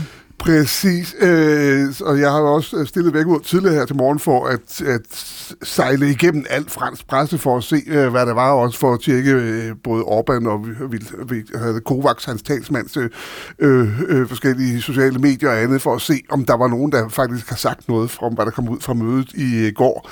Men øh, i virkeligheden så er det sådan, at øh, at øh, præcis det samme som da, da EU-formand øh, Charles Michel var nede og besøgte Orbán i Budapest for en, hvad er det vel, en uges tid siden, eller sådan noget af den stil, at de har valgt ikke at sige noget som helst om, hvad der er sket inden for det møde, så vi ved faktisk ikke noget om det. Det vi ved, det var, at efter at øh, Sanchez, øh, den spanske premierminister, øh, talte med Orbán i går, der smed Orbán et, øh, et tweet ud, øh, altså, og skrev, at han mener stadigvæk ikke, at man på topmødet skal træffe en beslutning om at starte, øh, eller sige, at man er klar til at starte udvidelsesforhandlinger med, med Ukraine. Så det er ligesom det eneste, der er kommet ud fra, mm. fra i går og frem til i dag. Så Sanchez øh, kunne ikke presse ham, øh, lader det til, øh, det, og Macron kunne, det ved vi så ikke endnu. Hvad er det helt konkret, at Orbán han truer med, øh, siden at de øh, sådan øh, ringer til ham og inviterer ham op til snakke osv.? Jeg tror, man kan sige det på den måde, at alt, hvad som kan blokeres, altså alt omkring Ukraine, som kræver enstemmighed, øh, og som kan blokeres, har Orbán indtil videre øh, blokeret. Øh, og det, det er faktisk en række forskellige ting. Dels så man, havde man jo håbet, og det håber man stadig, at man kunne vedtage den 12. sanktionspakke mod Rusland øh, inden det her topmøde, der ligger torsdag fredag næste uge. Øh, lige nu er det stadigvæk blokeret, de forhandlinger, og øh, her er det Ungarn, der skaber ballade. Så har man længe gerne, man har noget, der hedder den europæiske fredsfacilitet, og det, øh, og det er faktisk sådan en særlig øh, EU-kasse, man har skabt øh, med penge i, hvor man lande, der donerer våben eller ammunition til Ukraine, der kan de søge om så at få, få dækket nogle af udgifterne til at donere våben til Ukraine. Det kan de få, søge om at få dækket den her fredsfacilitet. Øh, den er tom. Den vil man gerne toppe op med, hvis jeg husker rigtigt, 450 millioner euro. Øh, men det har Ungarn øh, blokeret. Det har det været længe. Så er der, øh, øh, øh, hvad der de to store ting, der kommer til at fylde ved topmødet i næste uge, nemlig spørgsmålet om et, skal man starte, øh, sige fra topmødet næste uge, at nu er vi klar til øh, snart at starte optagelsesforhandlinger med Ukraine, så om Ukraines lange vej mod at blive medlem af EU, skal man tage den beslutning ved topmødet næste uge. Det har Orbán sagt, og det sagde han igen i går efter sit møde med, med, med eller sin telefonsamtale med Pedro Sanchez. Han mener overhovedet ikke, at, at, at det bør være på dagsordenen, det spørgsmål fordi øh, Ukraine er overhovedet ikke klar til det. Og endelig det mest alvorlige, så er jeg gemt det, det vigtigste til sidst, det er meget usjournalistisk, men det mest alvorlige, det er, at man, man til topmødet i næste uge har lagt op til, at man vil afsætte 50 milliarder euro øh, til øh, EU-støtte til Ukraine øh, for en række øh, år frem i tiden, altså øh, tre år frem i tiden. Og, øh, og det øh, truer Ungarn også med at blokere, og det vil være ret alvorligt, øh, når man, øh, hvis, man, hvis, hvis, det vil, hvis det vil ske. Så der er, sige, der er ungarske øh, blokadetrusler, eller man skal kalde det, øh, på, på alle dossier, der, der har noget med Ukraine at gøre. Mm, men det vil næppe nogen overraskelse, at Viktor Orbán står et andet sted i, i Ukraine-Rusland debatten. Altså, øh, så hvor overrasket kan man være i EU over, at han ja, lægger en anden linje? Jamen, jeg ved ikke, om man kan være overrasket. Øhm, det, der er, det, der er og har været med Orbán hele vejen rundt, i, i, når vi har set det her, det er, at han oftest har haft en retorik, han har oftest haft det på ungarsk, og det har været rettet mod øh, den ungarske befolkning, og når han så har mødt op til møder i Bruxelles, så har han alligevel ligesom accepteret alle beslutninger frem til nu. Det har han jo også gjort. Han har accepteret tidligere at sige, at Ukraine er et land, der skal kunne komme, blive medlem af EU. Det har man vedtaget med enstemmighed i EU. Han har accepteret øh, sanktionspakker mod Rusland. Han har accepteret øh, våbenstøtte osv. Så han har jo, selvom han har haft den her retorik længe, så har han øh, frem til, til, til, til nu, når han kom til EU-topmøderne, været meget mere medgørlig, end han har, det har lyttet inden. Den her gang er anderledes. Han er begyndt at kommunikere på engelsk. Han er meget håndfast i sin øh, kritik, og han, øh, han agerer helt enkelt på en, på en anden måde end tidligere, og derfor er folk øh, i tvivl om, øh, øh hvor meget og hvad han kan finde på øh, ved øh, topmødet i næste uge. Men jeg ved ikke, øh, Ole, ved du, har øh, de på Champs-Élysées, i Champs-Élysées, har de et billiardbord? Og det ved jeg ikke. Jeg har været ja, ja, mange ja, ja, gange. Jeg har aldrig det, set et billiardbord, vil jeg bare sige. Jeg gad bare godt at være med til det der møde, ikke? når jeg ser på de to herrer, øh, Emmanuel og Victor. Jeg har svært ved at se dem sådan hænge ud med hinanden over en pot billiard og lige fortalt om tingene på den måde. Altså, uh, Macron er jo kendt for at være sådan ret intenst og meget, meget, meget nede i detaljerne, når han øh, møder op. Øh, Orbán er faktisk kendt for at være en, øh, altså en, øh, en hyggelig fætter, når man... Øh, når, når, når, Så det når kan de godt være, at de sådan set godt kunne finde ud af at tale med hinanden?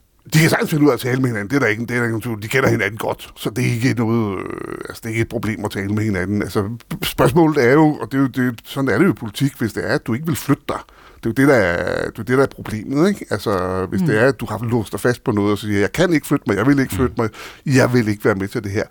Øh, altså, hvis det skal have en godt for Ukraine, så vil jeg sige, så kan det være, hvis, altså, hvis han blokerer for, at man kan starte forhandlinger eller ej om optagelse af EU. Det er ret ligegyldigt, det er symbolsk. Øh, men hvis ikke man kan blive enige om at afsætte penge til Ukraine, så vil landet simpelthen ikke kunne køre sine sygehuse og sine skoler og alt muligt andet videre, fordi der er nul penge på den ukrainske finanslov til det. Det kræver øh, penge fra EU-kassen. Så, øh, så jeg vil sige, øh, det er det, der det sker med pengene, som bliver det helt afgørende til, til topmødet. Og det får vi svar på i, øh, i næste uge, om Orbán han er til at presse. Tak for at være med, Ole Ryborg. DR's EU-korrespondent med fra Bruxelles. Tid igen til Niels Christian Lang med Radiovisen. Klokken er 8. Og sådan fik vi taget hul på vores øh, tredje time denne fredag i studiet. Stadig Pernille Rudbæk og Ole Brink. Jeg har for mange sikkert tid til at møde ind på arbejde lige om lidt. En af dem, der møder ind til en måske lidt mere speciel slags første arbejdsdag igen, må man sige. Mm. Det er jo øh, digitaliserings- og ligestillingsminister Marie Bjerre. Altså, vi skal kun to uger tilbage, der fik hun at vide, at øh, ministerholdet skulle styrkes, og derfor var hun ikke en del af holdet. Så blev Mia Wagner syg. I går gik hun af, og øh, Marie Bjerre øh, trådte altså ind igen, fik et opkald om, at jo, så kunne hun da godt få lov at være minister alligevel. Hvordan er det at få det der opkald og få at vide, øh, når nu den anden ikke kan, så må du godt alligevel? Det, øh, det skal vi tale med hende om, og det gør vi øh, cirka 20 minutter i 9. 83 procent af den klimabistand, som vi i Danmark har udbetalt siden 2016, er penge, der alligevel var afsat til udviklingsbistand i de fattige lande. Vi har altså en pulje med udviklingsbistand, og når vi så siger, at vi nu også vil give nogle penge til klimabistand, så tager vi pengene fra udviklingsbistanden. Den måde at gøre det på møder en del kritik fra NGO'er og fra oppositionspolitikere. Vi taler med Lea Wermelin, der er klimaoverfører for Socialdemokratiet, og hvorfor, om hvorfor det for regeringen giver mening at gøre det på den måde. Det er øh, om lidt kvarters tid cirka. Men vi starter med at tage til Israel og Gaza, fordi øh, hovedarkitekten bag Hamas' terrorangreb den 7. oktober er ifølge Israels premierminister Benjamin Netanyahu tæt på at være omringet af israelske soldater i det hus, hvor man mener, at han opholder sig. Sådan her sagde Netanyahu om, hvor tæt Israel er på Hamas-lederen. שני עדכונים קצרים. אמש אמרתי שכוחותינו יכולים להגיע לכל מקום ברצועת עזה. I går sagde jeg, at vores styrker kunne nå alle mål i Gaza. I dag er vi ved at omringe Yahya Sinwars hus. Hans hus er øh, måske ikke hans fort, og han kan undslippe, men det er kun et spørgsmål om tid, før vi får ham, sagde altså Benjamin Netanyahu. Øh, Yahya Sinwar er en af tre topledere i Hamas, som den israelske her IDF har har, øh, jeg har udpeget og målrettet går efter øh, i forsøget på at slå ham ihjel. Peter Viggo Jakobsen, lektor ved Forsvarsakademiet. Godmorgen. Godmorgen. Hvilken rolle mener israelerne, at, at, at ham her, Yahya Sinwar og, og de to andre topfolk øh, har spillet, når det gælder terrorangrebet på Israel den 7. oktober? Jamen, de mener jo, at de har været dem, der har stået bag det og har givet ordren til det, og de holder dem ansvarlige for den. Og på den måde er de jo blevet udpeget som dem, der skal, der skal fanges, eller ja, mere direkte, som de jo selv siger, slås ihjel øh, som straf for det her angreb. Og de ser det jo også som et af deres primære succeskriterier for, at de kan sige, at de har vundet krigen og udslettet Hamas. Så det er, øhm, det er det, der er planen også. Altså efter to måneders bombardementer og en landinvasion i det nordlige, og nu også på vej langt ind i det sydlige, øh, uden, uden man jo har kunne stoppe kampene, uden at man har kunne fjerne Hamas fra, fra jordens overflade, så kunne tanken være, at hvis vi rammer toppen, så kan vi sige, det var en succes det her. Ja, jeg tror helt sikkert, at det er det, det handler om. Når Netanyahu kommer med et politisk mål, der siger, at truslen fra Øh, Hamas skal fjernes, og Israel skal aldrig mere føle sig usikker på, at der kommer flere angreb, så skal de militære chefer jo oversætte det her mål til en militær strategi, der, der bliver målbar. Og en af de ting, som er meget målbare, det er at få fjernet nogle navngivende ledere, som man sender, som man, man viser billeder af og siger, det er dem, vi skal have fat i. Det var også det, USA gjorde, da de gik ind i Irak. Øh, men det har også et andet formål lige nu. Altså Israel er under massiv kritik for at have angrebet nede i syd, og hvis de kan sige, at en af de helt vigtige ledere gemmer sig nede i syd, syd, så kan det jo retfærdiggøre, at Israel nu øh, angriber de områder, hvor de har sendt de civile hen. Mm, men, men Peter Viggo Jacobsen, er det ikke sådan i, i organisationer som Hamas for eksempel, at hvis, hvis man slår en, en leder ihjel, så kommer der en ny leder? Jo, det har Israel jo helt vildt dårlige erfaringer med. De holdt jo op med at slå Hezbollahs ledere ihjel, fordi der altid kom en, der var værre. Men det her er jo ikke kun toplederen, de går efter. De har, Israel har også meldt ud i går, at de har dræbt halvdelen af Hamas' øh, hvad det hedder, militære chef og sådan på, på, på, på, på middelniveauet, ikke? hvor man går ned til dem, der sådan styrer enheder og kører rundt. Så de angriber jo stort set alt, hvad der kan kravle og gå, der, der, der bliver tilknyttet Hamas. Så på den måde prøver de at fjerne det hele. Men hvis man ligesom skal sige, at man har vundet, så, så giver det ikke så meget mening at sige, at man har dræbt en hel masse øh, kriger, som man aldrig har hørt om. Der er det vigtigt at også gå efter, efter hovedet af organisationen, men det er klart, det er ikke nok. Mm. Og der er også det andet problem, at du kan fjerne alle dem, der går rundt med våben, men det had og det, den ideologi, som øh, hvad det, Hamas er bygget på, ja, den, den, den lever videre, og det bliver forstærket af de her øh, rigtig mange mennesker, der bliver dræbt. Altså Israel har jo dræbt over 16.000 øh, mennesker efterhånden, og det er klart, det vil afstedkomme et meget meget stort had. Så der kommer en ny organisation efter Hamas, hvis Hamas øh, ophører med at eksistere som følge af det her.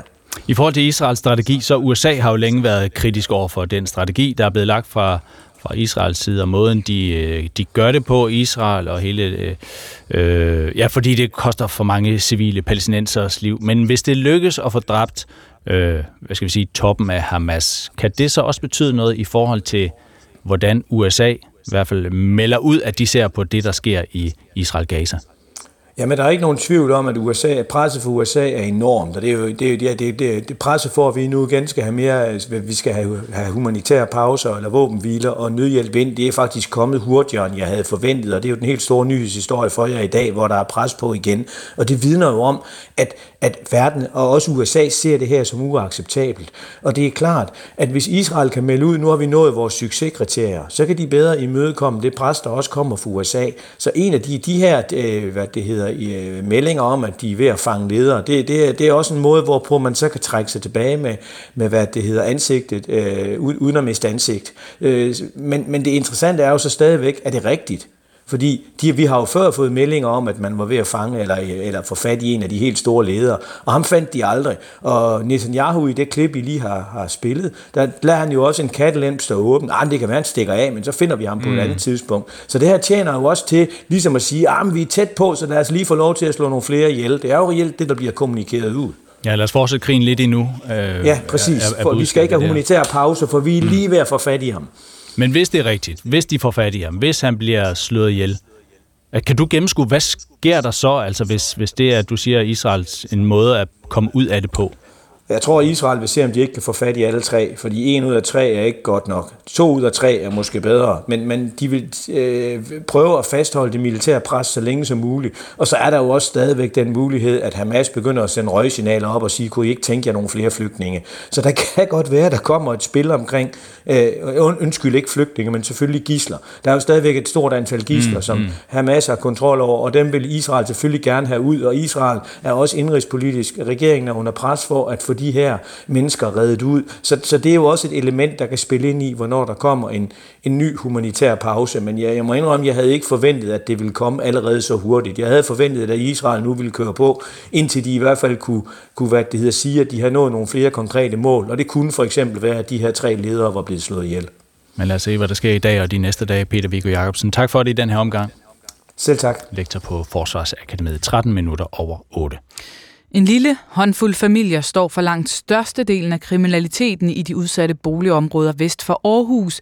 De samme familier fylder samtidig massivt i de kommunale udgiftsposter. Ja, sådan øh, lyder den forløbige konklusion i en analyse fra Aarhus Kommune og Østjyllands Politi. Ja, derfor præsenterer Østjyllands Politi og kommunen i dag nogle, øh, jeg vil godt kalde dem bemærkelsesværdige initiativer i kampen mod kriminelle familier. Politi og kommune vil lave en forebyggende indsats over for børn helt ned til 8 år og forpligte børn og deres forældre til at indgå i programmer, som skal få dem ud af kriminalitet, og hvis de ikke samarbejder, ja, så risikerer de straf, og det kan være i form af anbringelse eller økonomiske sanktioner. Samtidig vil de sociale myndigheder få kontorer sådan lige ved siden af politiet i boligområdet øh, Gellerup i Aarhus øh, Vest, hvor de så sammen vil koordinere den her indsats. Mm. Line Lærke Mørk er professor på DPU under Aarhus Universitet. Hun forsker i bandekonflikter og socialt arbejde med udsatte unge, og øh, hun er dybt bekymret for, at man nu sammenblander politi og sociale myndigheder. I forvejen så har Danmark, øh, når vi ser i Norden, de mest udvidede beføjelser til at dele, men der har stadig været nogle grænser. For eksempel har det, at man er banderegistreret, det har været et internt arbejdsredskab i politiet, som man ikke deler med socialforvaltning og øh, øh, hvad hedder det, beskæftigelsesforvaltning og sådan noget. I, øh, I det her tiltag, der vil man pludselig sige, okay, den her 8-årige dreng, skal vi have særlig fokus på. Den her 13-årige dreng, og sådan noget, fordi de er i slægt med deres onkel, som er kendt for noget kriminalitet. Godmorgen, Anders Vinderskjold. Godmorgen. Socialdemokrat og rådmand for sociale forhold og beskæftigelse i Aarhus, hvor man altså nu ruller de her tiltag ud, altså tiltag, der får kritik med på vejen her. Tror du, fordi det er også noget af det, som øh, Line Lærk Mørk her snakker meget om, tror du, at det vil styrke tilliden til de sociale myndigheder for de her beboere i Gellerup og omegn, at de nu på den her måde arbejder så tæt sammen med politiet?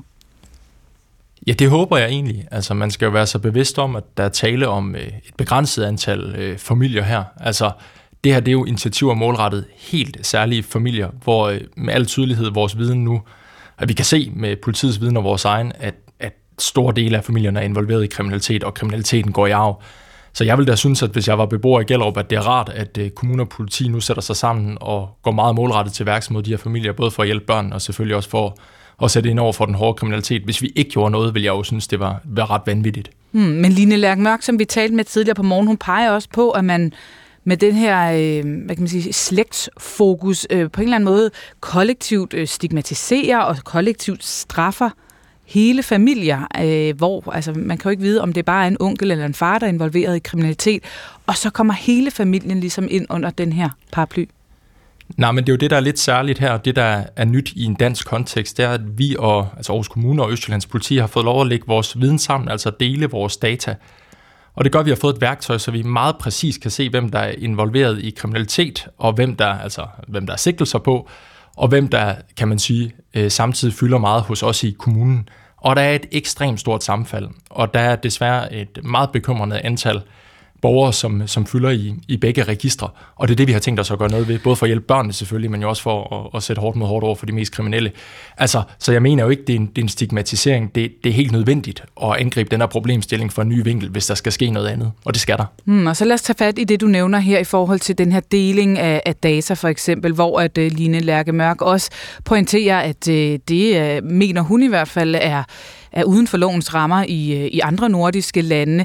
Øh, lad os lige se på, altså I vil medarbejdere fra politi og kommuner, I, de flytter sammen i de nye lokaler her i det vestlige Aarhus, så vil de øge vidensdelingen, så de bedre kan, som du også siger, identificere familierne, så man kan forebygge kriminalitet øh, helt ned fra, fra 8 års alderen af.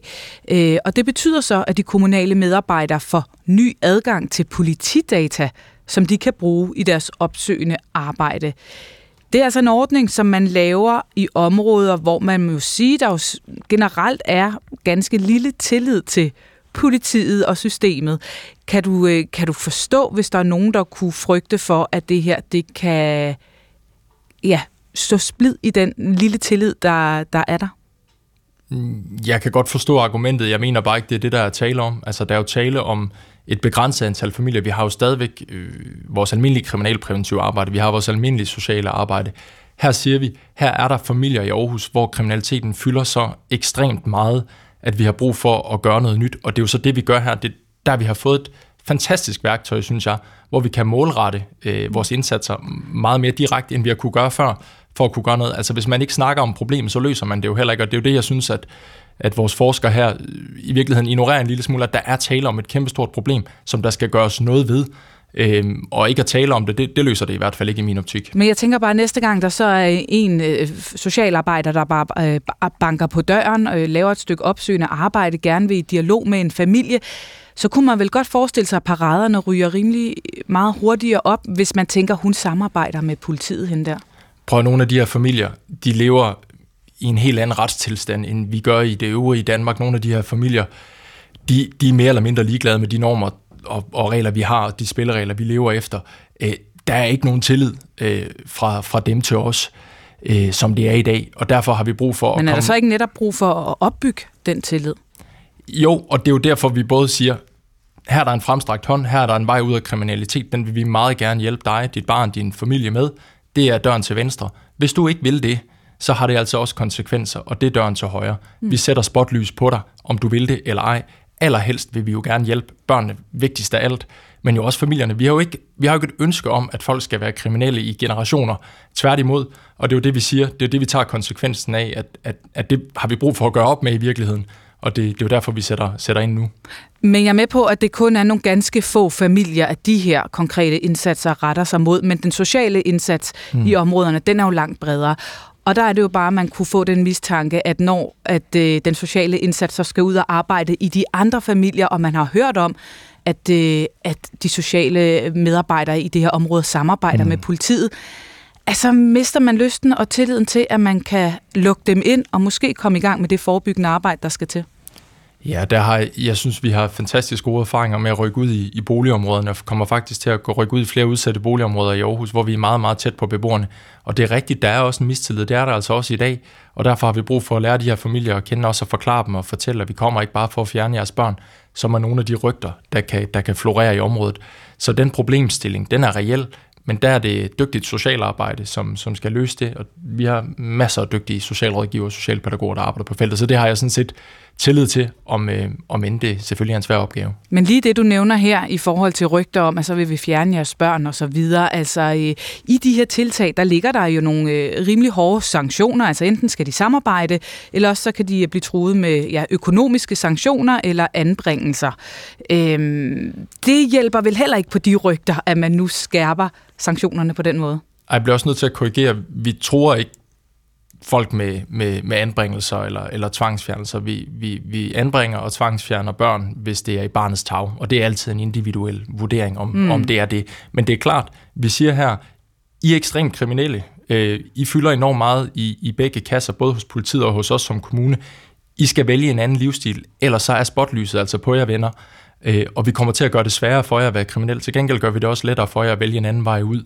Og i nogle tilfælde, der vurderer vores dygtige socialrådgiver at sige, at det er ikke i barnets tag at op, vokse op i en familie, som er, som er dybt kriminelle. Men det vi ser som udfordring, det er jo, at vi ser også børn, som rømmer fra de steder, de er og vender tilbage til familien. Så vi lykkes ikke godt nok i dag, og derfor er der simpelthen børn, og man vælger jo ikke, hvor man er født, som vokser op i familier og selv bliver kriminelle, uden egentlig at have, have haft det valg, og det, det er et kæmpe problem. Og hvilken øh, evidens har I så for, at de her tiltag med de her hårde sanktioner og det her tætte, tætte samarbejde rent faktisk virker? Jamen, vi har blandt andet kigget til Tyskland, som har gjort sig nogle erfaringer med, med det initiativ, vi kalder Knæk Kugen, altså hvor vi går helt ned til 8 år og i gang sætter præventive indsatser. Øhm, så, så det er jo en af de steder, vi kigger hen, og så er det jo vi er jo de første, der gør det her i Danmark, så, så jeg må også ærligt indrømme, at vi, vi er jo lidt på ny grund. Øh, jeg synes, vi har snakket med et hav af eksperter, og vi har nedsat et advisory board i sociale forhold og beskæftigelse, som giver os rådgivning, så, så jeg synes egentlig, vi står på god grund, men det er en svær opgave det her, og jeg bilder mig heller igen, at vi løser det med et fingerknips desværre. Men, øh, men, men jeg synes, det er ret velbegrundet, og det er jo initiativer, vi har lavet sammen med politiet, som, som jo også har en, en hel del erfaring her. Tak for at være med, Anders Vinderskjold. Selv tak. Rådmand for Sociale Forhold og Beskæftigelse i Aarhus Kommune. 22 minutter over 8.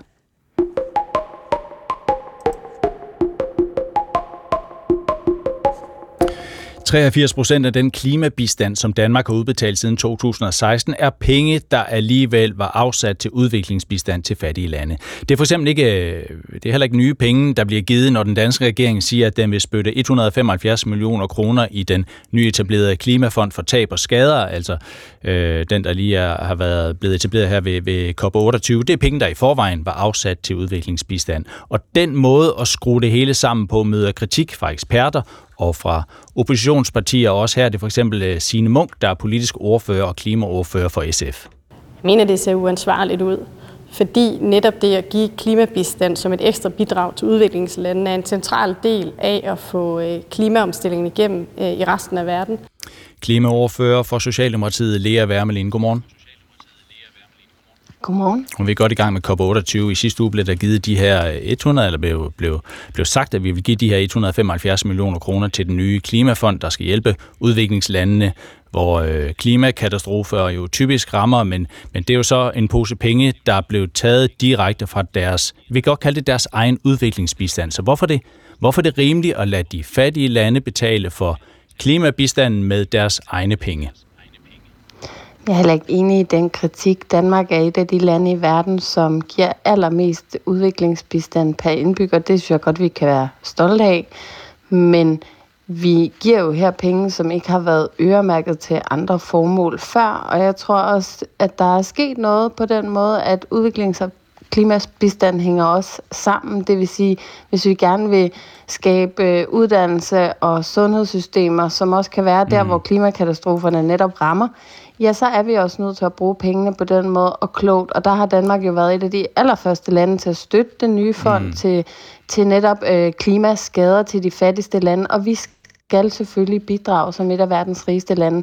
Så siger, vi gør det godt, vi bliver også mm. anerkendt mm. for det, og derfor synes jeg, at øh, kritikken også fra SF, som jo selv er med i finanslov og alt muligt andet, måske er lidt en... Men du siger lige, Værmelin, at pengene ikke er øremærket. De vil øremærke så meget, at de kommer fra udviklingsbistanden. Dem, vi nu giver til klimabistanden. Hvorfor er det rimeligt? Vi har valgt i Danmark, i modsætning til mange andre lande, at have det her 0,7 procents mål. Øh, og det vil jo sige, der hvor det også går godt i Danmark, som det gør nu, ja, så tror jeg, at det cirka i kroner og øre betyder, at vi til næste år betaler 3 milliarder kroner mere i udviklingsbistand. Det vil sige, de lande, som får øh, den her klimabistand fra Danmark, kommer jo til i hånden at få langt flere penge næste år, end de for eksempel har fået i men, år. Men, så jeg tror, det bliver en lidt teknisk diskussion, og man kunne er... godt opgive det 0,7 procents mål, men, men det øh, synes jeg, vi skal være stolte af, at vi lever op ja, til. men det er overhovedet ikke teknisk det her, fordi I har en pulje penge, der hedder udviklingsbistand, og at den pulje penge tager I så og giver og siger, her, det er klimabistand. Det betyder jo så alt andet lige, at der kan bygges færre skoler og færre hospitaler for de penge, der egentlig lå i udviklingsbistanden. Det er vel meget enkelt. Det er det, I har valgt at gøre. Nej, altså præmissen er jo, at vi skulle tage det fra andre projekter. Det gør vi ikke. Det er ikke penge, der har været øremærket før. Øh, der er heller ikke den definition i forhold til den klimafond, der blev øh, besluttet til tilbage i 2009, så har man på tværs af skiftende øh, regeringer haft forskellige definitioner. Vi gør det ligesom en række andre OECD-lande, Tyskland, Holland og derudaf. Så Danmark gør ikke noget øh, særligt på det her område. Det, man kan mm. sige, vi gør, der er særligt, det er, sådan set, at vi bidrager langt det mere kommer jo an på, end andre Lea, lande måske lige i forhold det kommer netop an på. at give penge til det globale syd. Det kommer an på, hvem man sammenligner med, ikke? fordi du vælger jo bevidst så ikke at nævne Sverige og Norge, der jo faktisk gør, ligesom Danmark, altså med 0,7 procent i udviklingsbistand, så finder de nye ekstra midler til klimabistand. Hvorfor vil vi ikke gøre sådan? Hvorfor synes vi, det er mere rimeligt at tage det fra de projekter, de penge, der i forvejen er sat af til udviklingslandene? Der er også penge ud over den almindelige øh, udviklingsbistand, men jeg tror, at vi har jo bevidst os valgt at sige, at for os, der hænger udvikling og klima tæt sammen, så har en minister, der er minister for udvikling globale klimasamarbejde, fordi vi kan jo se, at de lande, som bliver hårdest ramt af klimaforandringerne, det er i det globale syd, og vi er Mm. nødt til, i stedet for at skille de to ting ad, og se det meget mere i en sammenhæng. Og nu har jeg selv lige været på FN's generalforsamling, hvor vi også var rundt og tale med mange af organisationerne, og der er jo ekstremt behov for, at klima er en fuldstændig integreret del af den måde, vi ser de ting på. Så kan man altid godt diskutere, Mm. hvad skal så den samlede ramme for Danmarks udviklingsbistand være? Det er jo helt fair. Jeg synes, vi øh, spiller med fuldstændig åbne kort. Det er helt reelt, at vi her kommer med nye penge, som ikke har været øremærket før. Og det er jo sådan set også Jamen, det, som Danmark bliver men, anerkendt ja, du kan godt kalde det ikke øremærket, men I tager dem fra udviklingsbistanden, Lea Wermelin. Det er rigtigt, ikke også? Det er fra den pulje. Kan vi ikke slå det fast, at det er fra puljen, der ellers er afsat til udviklingsbistand. Det er derfra, I tager pengene til klimabistanden, til, til fonden. Størstedelen af klimabistanden fra Danmark, det er en del af det, vi kalder udviklingsbistand. Så er der også nogle penge Mm. øh, derudover. Øh, og som jeg sagde, det er også den måde, vi forstår nye penge på. Næste år kommer der 3 milliarder kroner mere, som ikke øh, har været der før. Øh, det går godt i Danmark. Øh, det betyder også, at vi sender et tocifret stort milliardbeløb Mm. til det globale Det syd. jo, øh, Øh, og, og jeg, så, så det er fordi, jeg køber ikke helt den kritik, der er øh, i det, I lægger frem her. Det er jo en ny måde at gøre det på. Det kan vi vel godt sige, fordi hvis vi går tilbage til 2009 under COP15, det var den, der blev afholdt her i København, øh, der, det var der klimabistanden opstod som sådan en lillebror til udviklingsbistanden. En bistand 23 lande forpligtede sig på at betale herunder Danmark. Og daværende statsminister Lars Løkke Rasmussen, han sagde dengang på Danmarks vegne, at klimabistanden ville være nye midler, der ville blive lagt oven i de 0,7 procent, der gives til udviklingsbistand. Hvorfor har vi forladt den holdning? Jeg tror, det er rigtigt, der har været forskellige definitioner øh, på tværs af skiftende regeringer. siden da. Øhm, Men det er ikke så nyt, at klimabistanden nu er en integreret del af udviklingsbistanden. Og jeg tror til gengæld også, der er sket noget heldigvis i den måde, vi ser øh, klima på. Ikke som er til i forhold til alt muligt andet. Det er en fuldstændig lige så, hvis ikke vigtigere, øh, udgangspunkt for den måde, vi giver bistand på, end så meget andet. Så det er jo derfor, vi siger også helt åben, at øh, vi ønsker, at de to ting skal øh, gå hånd i hånd. Øh, meget af den Mm. bistand, vi giver nu her, skal jo både sikre udvikling, men jo også være fokuseret på der, hvor klimaforandringerne rammer allerhårdest. Og det ærgerlige det er så bare, at prisen bliver, at der kan blive bygget færre hospitaler og færre skoler, i hvert fald i forhold til den pulje af penge, der sådan set egentlig lå til ren udviklingsbistand. Og jeg synes, det er helt legitimt, at man kommer og siger, at vi vil gerne have, at Danmark skulle give 0,8 procent af øh, vores øh, BNP til, til udviklingsbistand for eksempel. Det er jo fair at tage den politiske diskussion, men vi står fuldstændig på mål for, at klimabistanden bør være en del af den øh, udviklingsbistand, vi giver, fordi det er så vigtigt også for de øh, lande, vi samarbejder med i det globale syd, de fattigste lande. Det, der påvirker dem måske allermest lige nu, er klimaforandringerne. Det er blevet meget mere tørt, det er blevet meget mere vådt. Det er vi nødt til at have med i, i al den udviklingsbistand, vi giver. Hvis SF eller andre så synes, vi skal give et højere beløb, jamen så er det jo helt fair. Det er jo den måde, vi diskuterer politik på. Øh, og jeg synes sådan set også, det er helt fair at tage den her diskussion op. Jeg prøver så bare at sige, hvorfor er det sådan set, at vi synes, det giver god nok mening. Øh, men præcis hvad beløbet skal være, men det er jo en del af den normale politiske diskussion i øvrigt. Sagde Lea Wermelin. Tak for det. Velkommen. Klimaoverfører for Socialdemokratiet. Ja, der var lidt... Der var lidt huller i lyden undervejs. Øh, det skal jeg selvfølgelig beklage. Jeg håber, øh, det meste kom igennem hele vejen ud. Det tænker jeg, det gjorde. Ja, det håber jeg. Nu øh, får vi et øh, nyhedsoverblik uden afbrydelser og knas med teknikken. Satser vi på. Nu håber jeg ikke, jeg har jinxet det. Niels Christian Lang er i hvert Uh, fald ja. i studiet. to minutter, Niels. Ej, det er det eneste, vi beder om. To skarpe minutter, To ja. skarpe minutter uden, øh, uden tekniske kiks. Kan du levere prøver. det? Vi prøver. Klokken er blevet øh, halvandet minut over halv ni. Der er nu håb om, at der kan komme mere nødhjælp ind til de civile i Gaza. FN's bistandschef Martin Griffiths bekræfter, at der er forhandlinger i gang om at genåbne grænseovergangen Karim Shalom i det sydlige Gaza, hvor 60 procent af lastbiltransporterne kom ind til Gaza før krigen. We're still negotiating, and with some promising signs at the moment. Men selvom grænseovergangene skulle blive åbnet, så mangler vi stadig svar på en række andre spørgsmål, før det batter noget, siger Jonas Weissager Nødkær, der er international direktør i Folkekirkens Nødhjælp. Altså, hvor mange lastbiler, hvad for en inspektion skal der være, hvor hurtigt kan det gå, hvordan får man distribueret den nødhjælp, der så vil blive aflastet lige på den anden side af grænsen ind i Gaza. Enkelte familier i Aarhus er så kriminelle, at kommunen og Østjyllands politi nu tager nye metoder i brug mod det, de kalder for slægtsbaseret kriminalitet. Blandt andet vil kommunen og politiet sætte ind med hjælp til børnene i familierne allerede fra 8-årsalderen. Og hvis ikke forældrene vil samarbejde, så risikerer familierne både anbringelse af børnene og økonomiske sanktioner. Men det er ikke nødvendigvis en god idé, siger Line Lærke Mørk, der er professor på Aarhus Universitet, og som blandt andet forsker i bandekonflikter og socialt arbejde med udsatte unge. Hvis der ikke er en tillidsfuld relation til de medarbejdere, som kan, ellers kan hjælpe, jamen så kan det få den stik modsatte effekt. Danmark gør det svært at få lavet aftaler på klimatopmødet COP28, når vi ikke selv lever op til de løfter, vi tidligere har givet. Det mener både SF, Radikale Venstre og Enhedslisten. Selvom vi har lovet at finde nye penge til klimabistand til de fattige lande, så er 83 procent af pengene siden 2016 kommet fra udviklingsbistanden. Men klimaminister Dan Jørgensen mener ikke, at det er noget problem. Når jeg er i Afrika for eksempel og taler med afrikanske ledere, jamen det de så beder Danmark om hjælp til, det er jo blandt andet at, at få grøn elektricitet. Og det bliver gråt, men tørt udenfor i starten af dagen, så sne, slud og regn. 0-3 graders varme og let til frisk vind fra sydøst. Det gik da meget godt, Niels Christian Lang. Det gik. Jeg var også lidt nervøs hele vejen igennem. Lidt ekstra nervøs.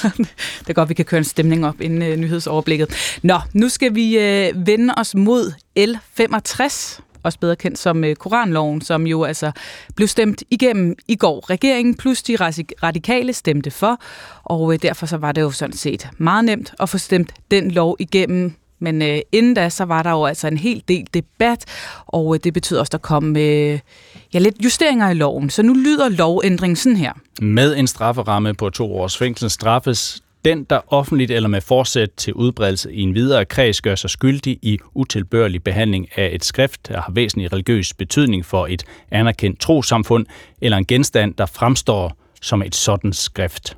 Ja, der har været debat om det juridiske spor, den har vi taget tidligere på morgen. Nu øh, kigger vi mod ja, det mere kulturelle spor. Velkommen til Liv Helm. Tak skal du have. Teaterchef på Husets Teater, og også velkommen til dig, Jan E. Jørgensen. Tak for det. Kulturordfører for Venstre. Livhem, lad mig starte med dig. Jeg ved, at du er ikke begejstret for den her. Det har du også sagt flere gange i debatten. Nu er den vedtaget. Hvad er det for nogle konsekvenser, som du frygter, at den her lov kan få for dig og det kulturliv, du repræsenterer? Ja, altså øh, loven vil jo stadigvæk ramme eksempelvis den politiske aktivist, der vil rive nogle sider ud af Bibelen, hvor der står, at homoseksuel, homoseksualitet er en synd. Det vil ramme den emigrerede kunstner, som ødelægger Koranen, øh, øh, hvis tanker har undertrykt ham eller hende på egen krop. Øh, så jeg står jo her både som kunstner, men også som chef på en kunstinstitution.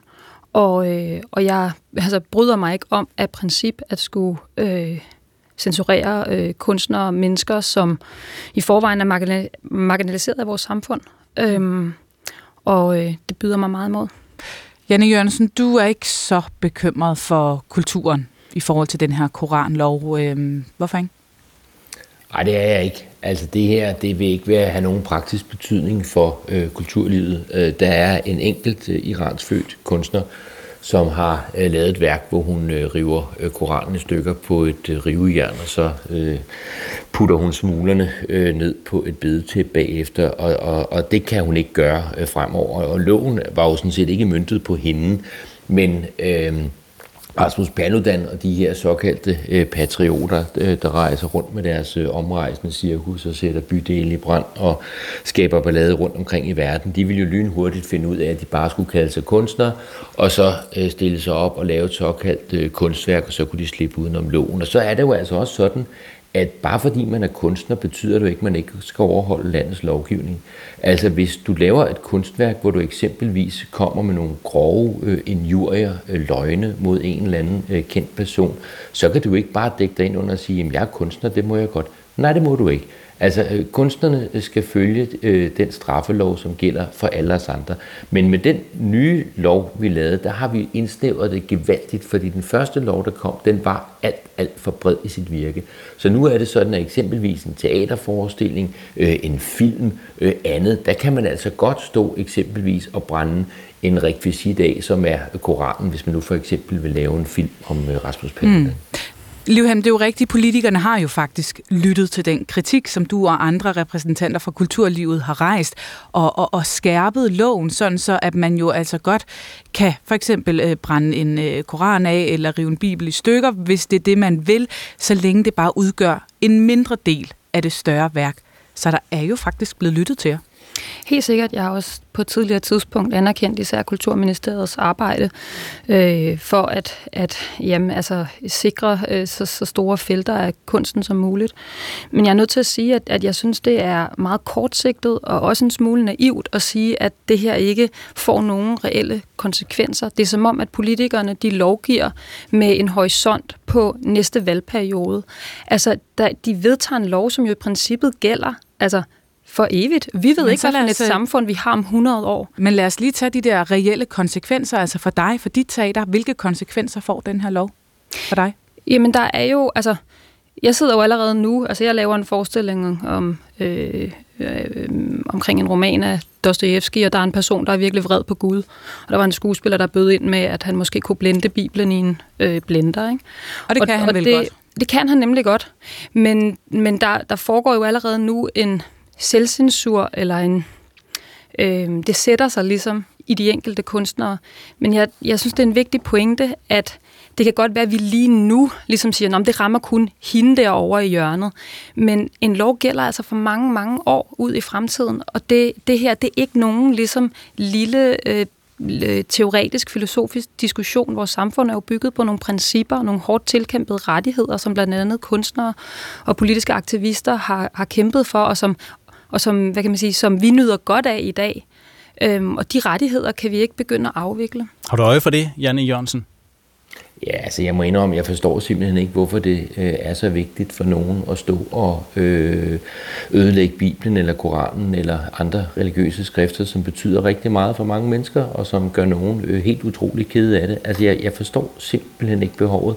Men altså, det, er jo, det er jo så fordi, man, du ikke er kunstner, fordi det kan være et øh, kunstnerisk udtryk. Du ved da ikke, om jeg er kunstner. Undskyld, altså, jeg, du er med som politiker her. jo, jo, men, men prøv, prøv at høre her, det er jo en lille bitte parentes i Danmarks historien, hvor der har stået nogle øh, Øh, voldsomt provokerende typer, øh, som øh, Paludan og de her patrioter, og har øh, anmeldt over 500 demonstrationer, som har kostet over 100 millioner kroner i øh, politibeskyttelse, som har betydet, at Danmarks omdømme i udlandet har lidt skade, som har betydet, at terrortruslen mod Danmark mm. øh, er steget.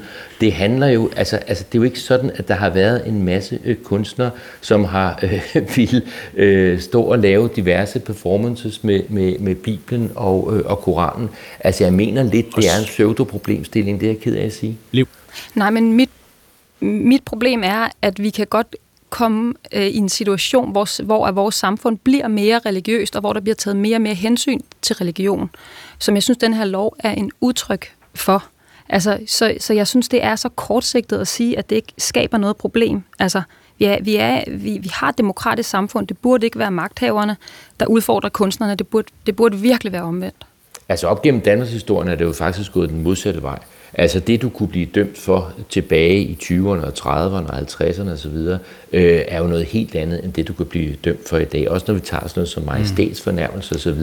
Grænserne for ytringsfriheden er blevet udvidet og udvidet og udvidet. Altså, nu kommer der så, nu kommer der så et lille bitte skridt tilbage, og hvis jeg var dig, og hvis jeg var kunstner, så ville jeg da føle mig meget mere bekymret over hele den tendens, der er med cancel culture og wokeness osv., hvor der er ting, man ikke må sige, der får øh, risikerer at krænke folk på baggrund Bare lige for at blande noget andet. Eller fuldstændig... Nå, nå, nej, men, men, men prøv at høre. Jeg synes, det er lidt utroligt, at der fra kunstverdenen nu øh, kommer kritik af noget, som i praksis ikke udgør et problem.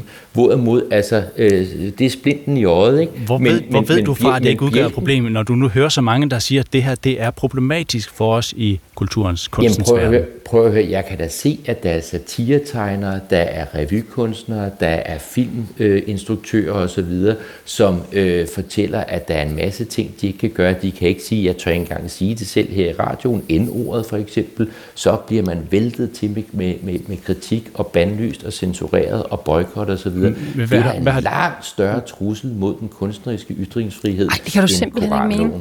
Jo, det kan jeg. Men jeg tænker, det er lidt et uh, sidespor, og vi skal ud i cancel culture og politisk korrekthed her. Jamen, øh, det er Jan, der gerne vil derud hele tiden, Jan.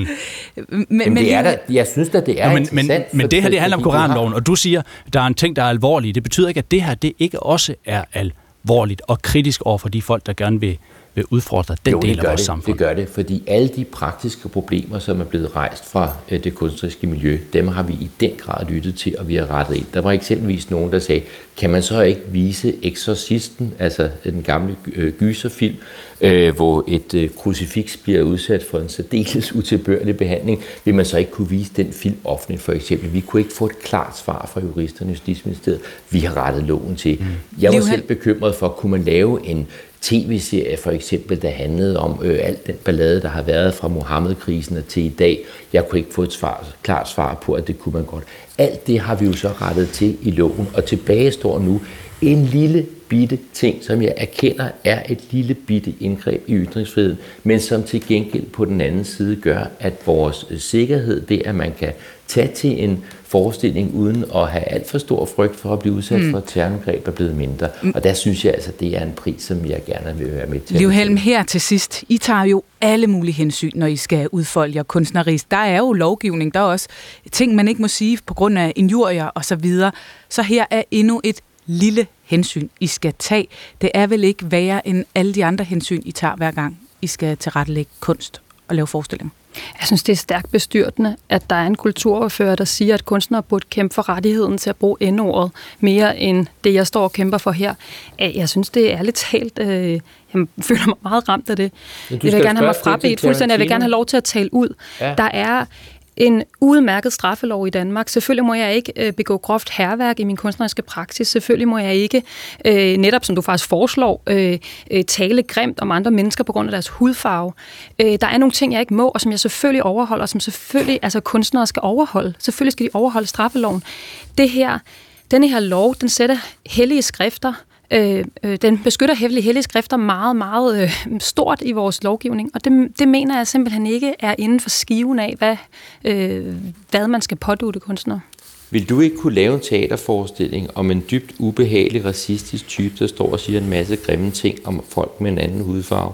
Det skulle du da have lov til. Øhm, det er faktisk en meget spændende diskussion at have det her. Altså mm. i, øh, i Tyskland, der er det det eneste sted, man må hejle, det er på en scene. Og det, det er tyskerne blevet enige om. Det er vi nødt til på en eller anden måde at tillade. Men vi tillader det ikke andre steder i samfundet. Så sådan nogle snakker kan vi godt have. Mm. Ved du hvad, vi sætter punktum i den her omgang øh, for jeres snak og vores snak om øh, Koranloven og hvad det betyder for kunsten og kulturen. Tak for det begge to. Tak, Liv. Tak for det. Liv Helm, teaterchef på Husets Teater, og tak også til Janne Jørgensen, kulturordfører for Venstre. Klokken er blevet øh, kvart i ni.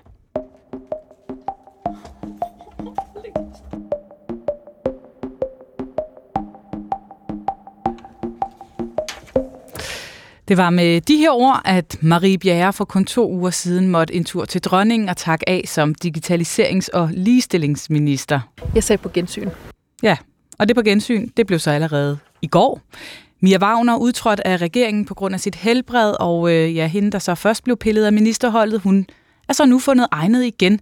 Godmorgen, Marie Bjerre. Godmorgen. Ny digitaliserings- og ligestillingsminister for Venstre igen. Ja, eller genindtrådt. genindtrådt, ja. Altså, øh, jeg bliver lige nødt til at spørge om det her, Marie Bjerre, fordi man forestiller sig sådan et lidt, et lidt akavet opkald fra Troels Lund Poulsen. Hvad øh, sagde han? Jamen, det var faktisk slet ikke et opkald. Øh, Stephanie, øh, jeg havde aftalt med Stephanie Lose, at jeg skulle mødes med hende i Økonomiministeriet onsdag aften for at, øh, at vende nogle sager. Hun havde jo taget over efter Mia Wagners sygemelding som fungerende digitaliserings- og ligestillingsminister. Havde behov for lige at blive sat ind i noget historik på nogle af sagerne. Øh, og jeg kender dem jo ligesom meget, meget godt, de sager, der har været. Øh, og derfor øh, aftalte jeg at mødes med Stephanie på hendes kontor. Stephanie følger mig så op på hendes kontor. Øh, og da jeg så kommer ind på kontoret, så sidder Troels der. Øh, og det vidste jeg ikke. Og så siger jeg, hej Troels, og han smiler til mig. Jeg smiler tilbage, og så vidste jeg ligesom godt, hvad det her det handlede om. Så vidste så, du det allerede? Ja, så fortalte han mig det der onsdag aften og spurgte om, om jeg kunne have lyst til at, at genindtræde, fordi desværre, det desværre er øh, alvorligt med Mia Wagners sygdom. Altså, og hvordan, jeg tænker bare, at man, nogen kan jo sammenligne det med, øh, du ved, ekskæresten, der siger, ah, men jeg skal lige ud og prøve noget andet af, og så kommer tilbage alligevel og siger, ah, men jeg vil gerne have dig alligevel. Altså, var der sådan en stemning, at vi skal lige øh, make up igen, eller øh, var det glemt med det samme? Ja, nej, det var der overhovedet ikke. Altså, jeg øh, tøvede ikke et eneste sekund. Jeg var enormt glad for, at han spurgte, om jeg ville genindtræde igen, og det sagde jeg selvfølgelig vil jeg gerne det. Øh, jeg tror, det var klart for et værd. Jeg synes, det var enormt svært at sige farvel, øh, og der var så meget mere, jeg gerne, gerne vil lave på det her område her. Så selvfølgelig sagde jeg ja igen. Øh, jeg tror heller, altså...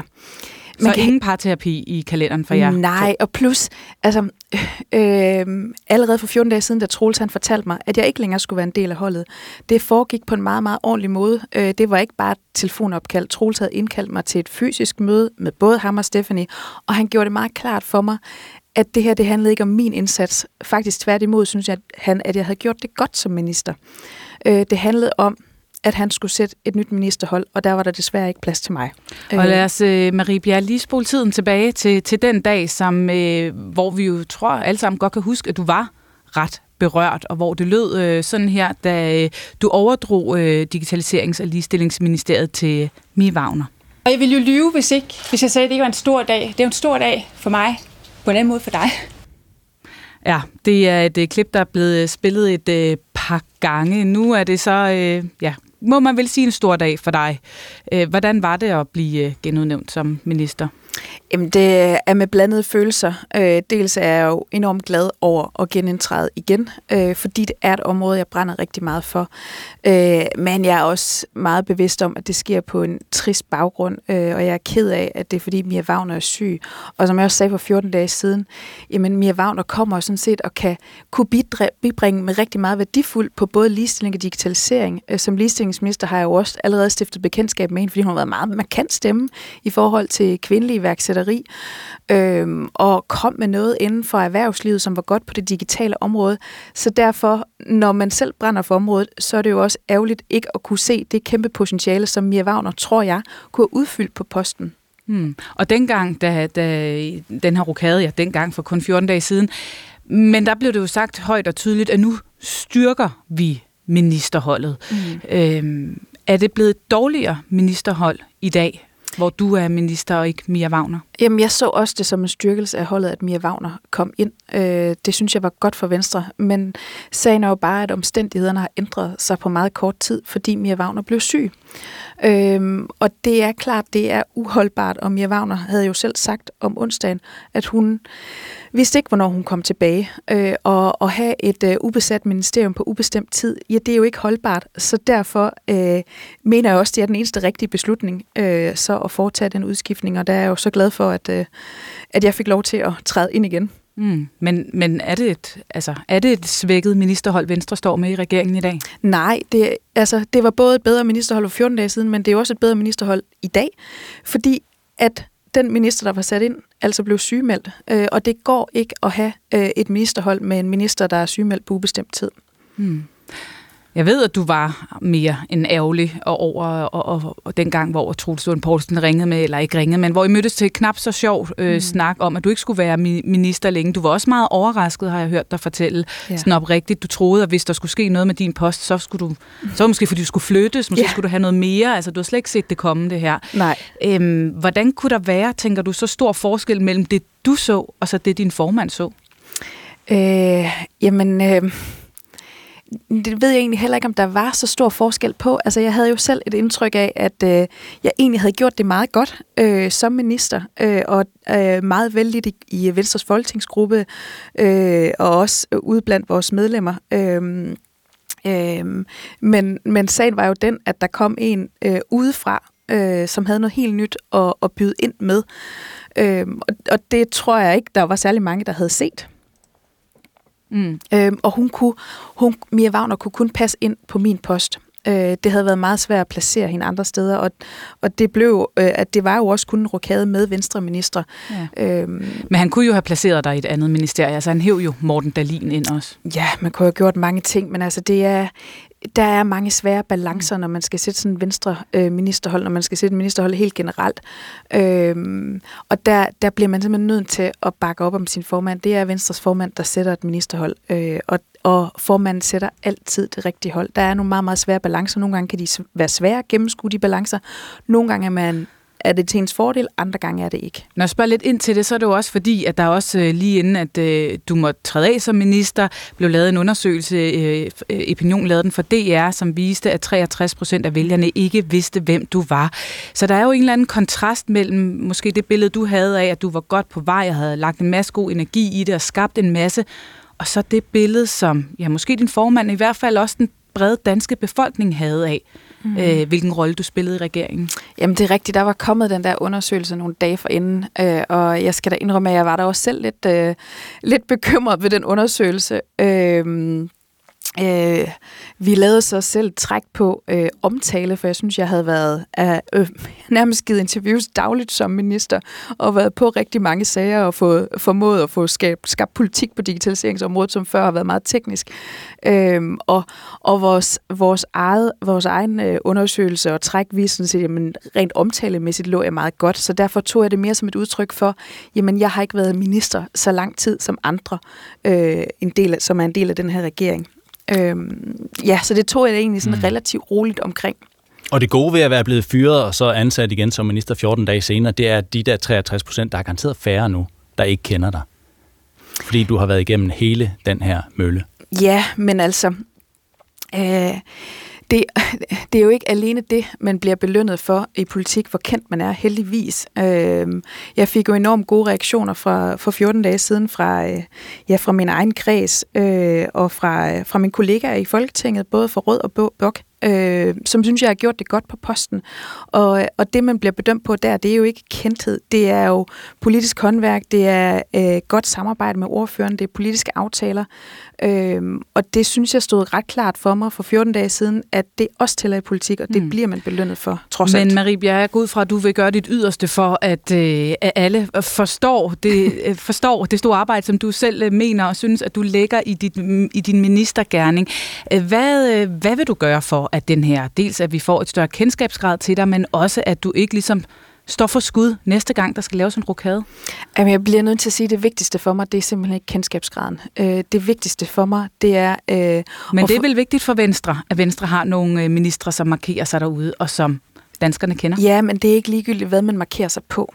Det er vigtigt, at man får skabt nogle politiske resultater, og det er klart for vælgerne, at med Venstre i regering, der bliver der gjort en forskel, og man får ført mere borgerlig politik, mere venstrepolitik, end man ville have gjort, hvis Venstre ikke gik i regering. Det er jo det, jeg skal markere mig på, og derfor er det helt afgørende, at det politiske håndværk er til stede, øh, så vi samlet som Venstre øh, kan få løftet øh, den fortælling også udad til, og få markeret det udad til. Hmm. Og så kan man vel sige, hvis vi også skal se det positive i at være først ude og så ind igen, at han kan vel næppe fyre dig igen, Troels Lund Poulsen. Jamen, jeg tror aldrig nogensinde, men øh, man skal aldrig nogensinde øh, vide så øh, at tro, at øh, nu har man den ministerpost altså for evigt. Det har man ikke. Man bliver nødt til. Øh, det er noget, man har til lån. Det er et kæmpe privilegie at blive minister, øh, og man har det for en begrænset periode, og derfor bliver man nødt til at, at levere øh, maksimalt alt det, man kan hver dag, man går på arbejde. Og der starter en arbejdsdag for dig i Digitaliserings- og Ligestillingsministeriet igen i dag. Tak for at være med, Marie Bjerre, og øh, god arbejdsløst med det hele. Jo, tak digitaliserings- og ligestillingsminister igen for Venstre. Kåre Manneke Ebert, naturvejleder ved Danmarks Sportsfiskerforbund. Godmorgen. Godmorgen. Du var med os øh, i foråret, det var vist april måned øh, her i radioen. Du fortalte øh, noget af en lystfiskerhistorie. Den største laks, der nogensinde er fanget på flue i dansk øh, vandløb, blev hævet op ved øh, i øh, fra Omme Å, hedder det vel. Øh, og det er jo så ikke, historien stopper ikke der, fordi nu er der så eksperter, der har analyseret laksens skæld, og det har ja. så givet anledning til en vis diskussion. Lad os lige gemme det der skæld, bare lige en enkelt runde. Hvad var det, der var så helt ekstraordinært ved den der fangst på laksen på Jamen, 21 det var jo, kilo? Det var jo, at, at, at far og søn øh, måtte springe ud i åen for at trække fisken i land, og sønnen svømmede rundt ude på dybt vand, og far stod i vand til halsen, og fluen røvede af kæften på laksen, og de må kaste den på land, og de er, ja, de er dybt rystet, da de får den på land. Så det, det, det er det, store laks kan gøre ved løsfisk. Altså, det var ja. meget dramatisk. Men som du også siger, dramatikken slutter ikke her, fordi nu er vi øh, tre eksperter, og det kan vi godt kalde fordi vi alle sammen aflæst i tusindvis af skæld, der skulle kigge på det her for at se, hvor gammel er fisken egentlig. Og så er vi også, der, der er vi også blevet, ja, vi er blevet uenige. Vi ja. kan ikke finde ud af, hvordan det skal skrues sammen. Man kan læse mange ting ud af, en, af fiskeskæld. Hvad, hvad er det, den ja. her siger? Ja, når man kigger på laks, øh, så kan man sige, hvor gammel var den øh, indtil, altså hvor mange år den levede i ferskvand. De lever jo 1, 2, 3, 4, 5 år, inden de trækker ud i havet. Så er de så store fede ud i havet, så kan man skille se, hvor mange år har den levet i havet. Så kan man også se, hvor mange år den faktisk er vokset fra sæson til sæson. Og så mm. kan man se, hvis fisken den er gyt. Så man kan egentlig fortælle, og kom godt ind i laksens man efter livshistorie. i, i skældet for at, at få øje på alle de øh, informationer og historier? Øh, jeg hørte ikke lige, hvad du sagde. Ja, hvad, hvad kigger man efter i det skæld? Altså, hvordan kan man se det? Ja, man, man skal forstørre den først. Man skal den forstørre den 30, 40, 50 gange. Og så kigger man på nogle linjer, der hedder skilritter, som er sådan nogle kalklinjer, der, der bliver aflejret ind i skældet for at stive det af. Og de bliver aflejret som en vis hyppighed, og når, og når, og når, det, når laksen vokser godt, så er, er der lang afstand mellem og, de, og når den vokser dårligt, så er der kort afstand. På den mm. måde kan man faktisk se, at der har været en sommer, og så har der været et efterår. På den måde kan man se, at et helt år består af en periode med god tilvækst, og så en periode med dårlig tilvækst. Og hvad er det så, Kåre, I er blevet uenige om? Jamen, det er for det første, kan vi ikke blive enige om, hvor lang tid øh, laksen har været i ferskvand. Der er en dansk skælderlæser, der siger, jamen den, den har, eller undskyld, en norsk skælderlæser siger, at den har været to år i, i ferskvand, mens de to danske skælderlæser siger, ej, den har faktisk kun været et år i ferskvand. Og det er måske lidt ligegyldigt, men, men trods alt, altså, det er jo ret interessant at vide, hvordan den her kæmpe laks, hvad den har gjort i sit liv, og det kan vi altså ikke blive enige om. Hvis jeg lige skal, skal undskylde den norske skælderlæser lidt, så i Norge, der de fleste laks, de er jo i, i vandløbet 2, 3, 4, 5, 6 år før de trækker ud. Så de er nok ikke så vant til at se et års smolt, som de er i Danmark. Så mit bud er, at det faktisk er et års smolt. Men som sagt, Mold, der er vi ikke et års smolt, den skal du lige... Øh... Ja, den er et år i havet, en et år i ferskvand, inden den trækker ud i havet som en lille blank fisk på 10-12 cm. Mm. Og når den trækker ud i havet, så hedder det en smolt. En smolt? Ja. ja. Check. Så, så hvad, hvad så? Hvad er læren af det her, Kåre? Er det, at øh, man sådan set ikke med sikkerhed kan sige noget om alder og den slags ja, altså, så kigger, så kigger det vi, vi, enige om alligevel. Vi kigger jo også på det liv ude i havet, den har haft, og der er vi heller ikke enige. Øh, nogle de, den ene siger, at den har været tre år i havet, og den er gyt, og vi andre vi siger, at den har været fire år i havet, og har ikke gyt. Og det, der er konklusionen på det her, det ved alle aflæser skæld, det er, at det er ikke en, fakt, det er ikke en, det er ikke en, en eksakt videnskab. Det er baseret på en lang række metoder, som er subjektive øh, i, i den sidste ende. Man skal foretage nogle skøn og nogle vurderinger, og øh, ja, det er jo bare mm. vildt, at noget så simpelt som en laks livshistorie, og man har et skæld, og vi sidder med det samme skæld, og vi kan ikke blive enige om det. Er det noget, der kommer så, til at få bølgerne til at gå højt til julefrokosten, det her? Det er det nemlig helt sikkert, og det er jo det gode ved den her skælderlæsning, det er, at vi kommer til at snakke om den til evig tid, og det er det, vi lytter skal vi løber I aldrig tør for samtaleemner, det er jo perfekt. Lige præcis. Tak for det, Kåre. Ja, selv tak. Skælderaflæser Kåre Manike Ebert, naturvejleder ved Danmarks Natur. Fiskerforbund. Ja, det var uh, Jette Damgaard og uh, Sara Meier, der uh, satte dagens P1 morgen sammen her i uh, studiet. Der var vi Ole Brink og Pernille Rødbæk. Gå på opdagelse i alle DR's podcast og radioprogrammer. I appen DR Lyd.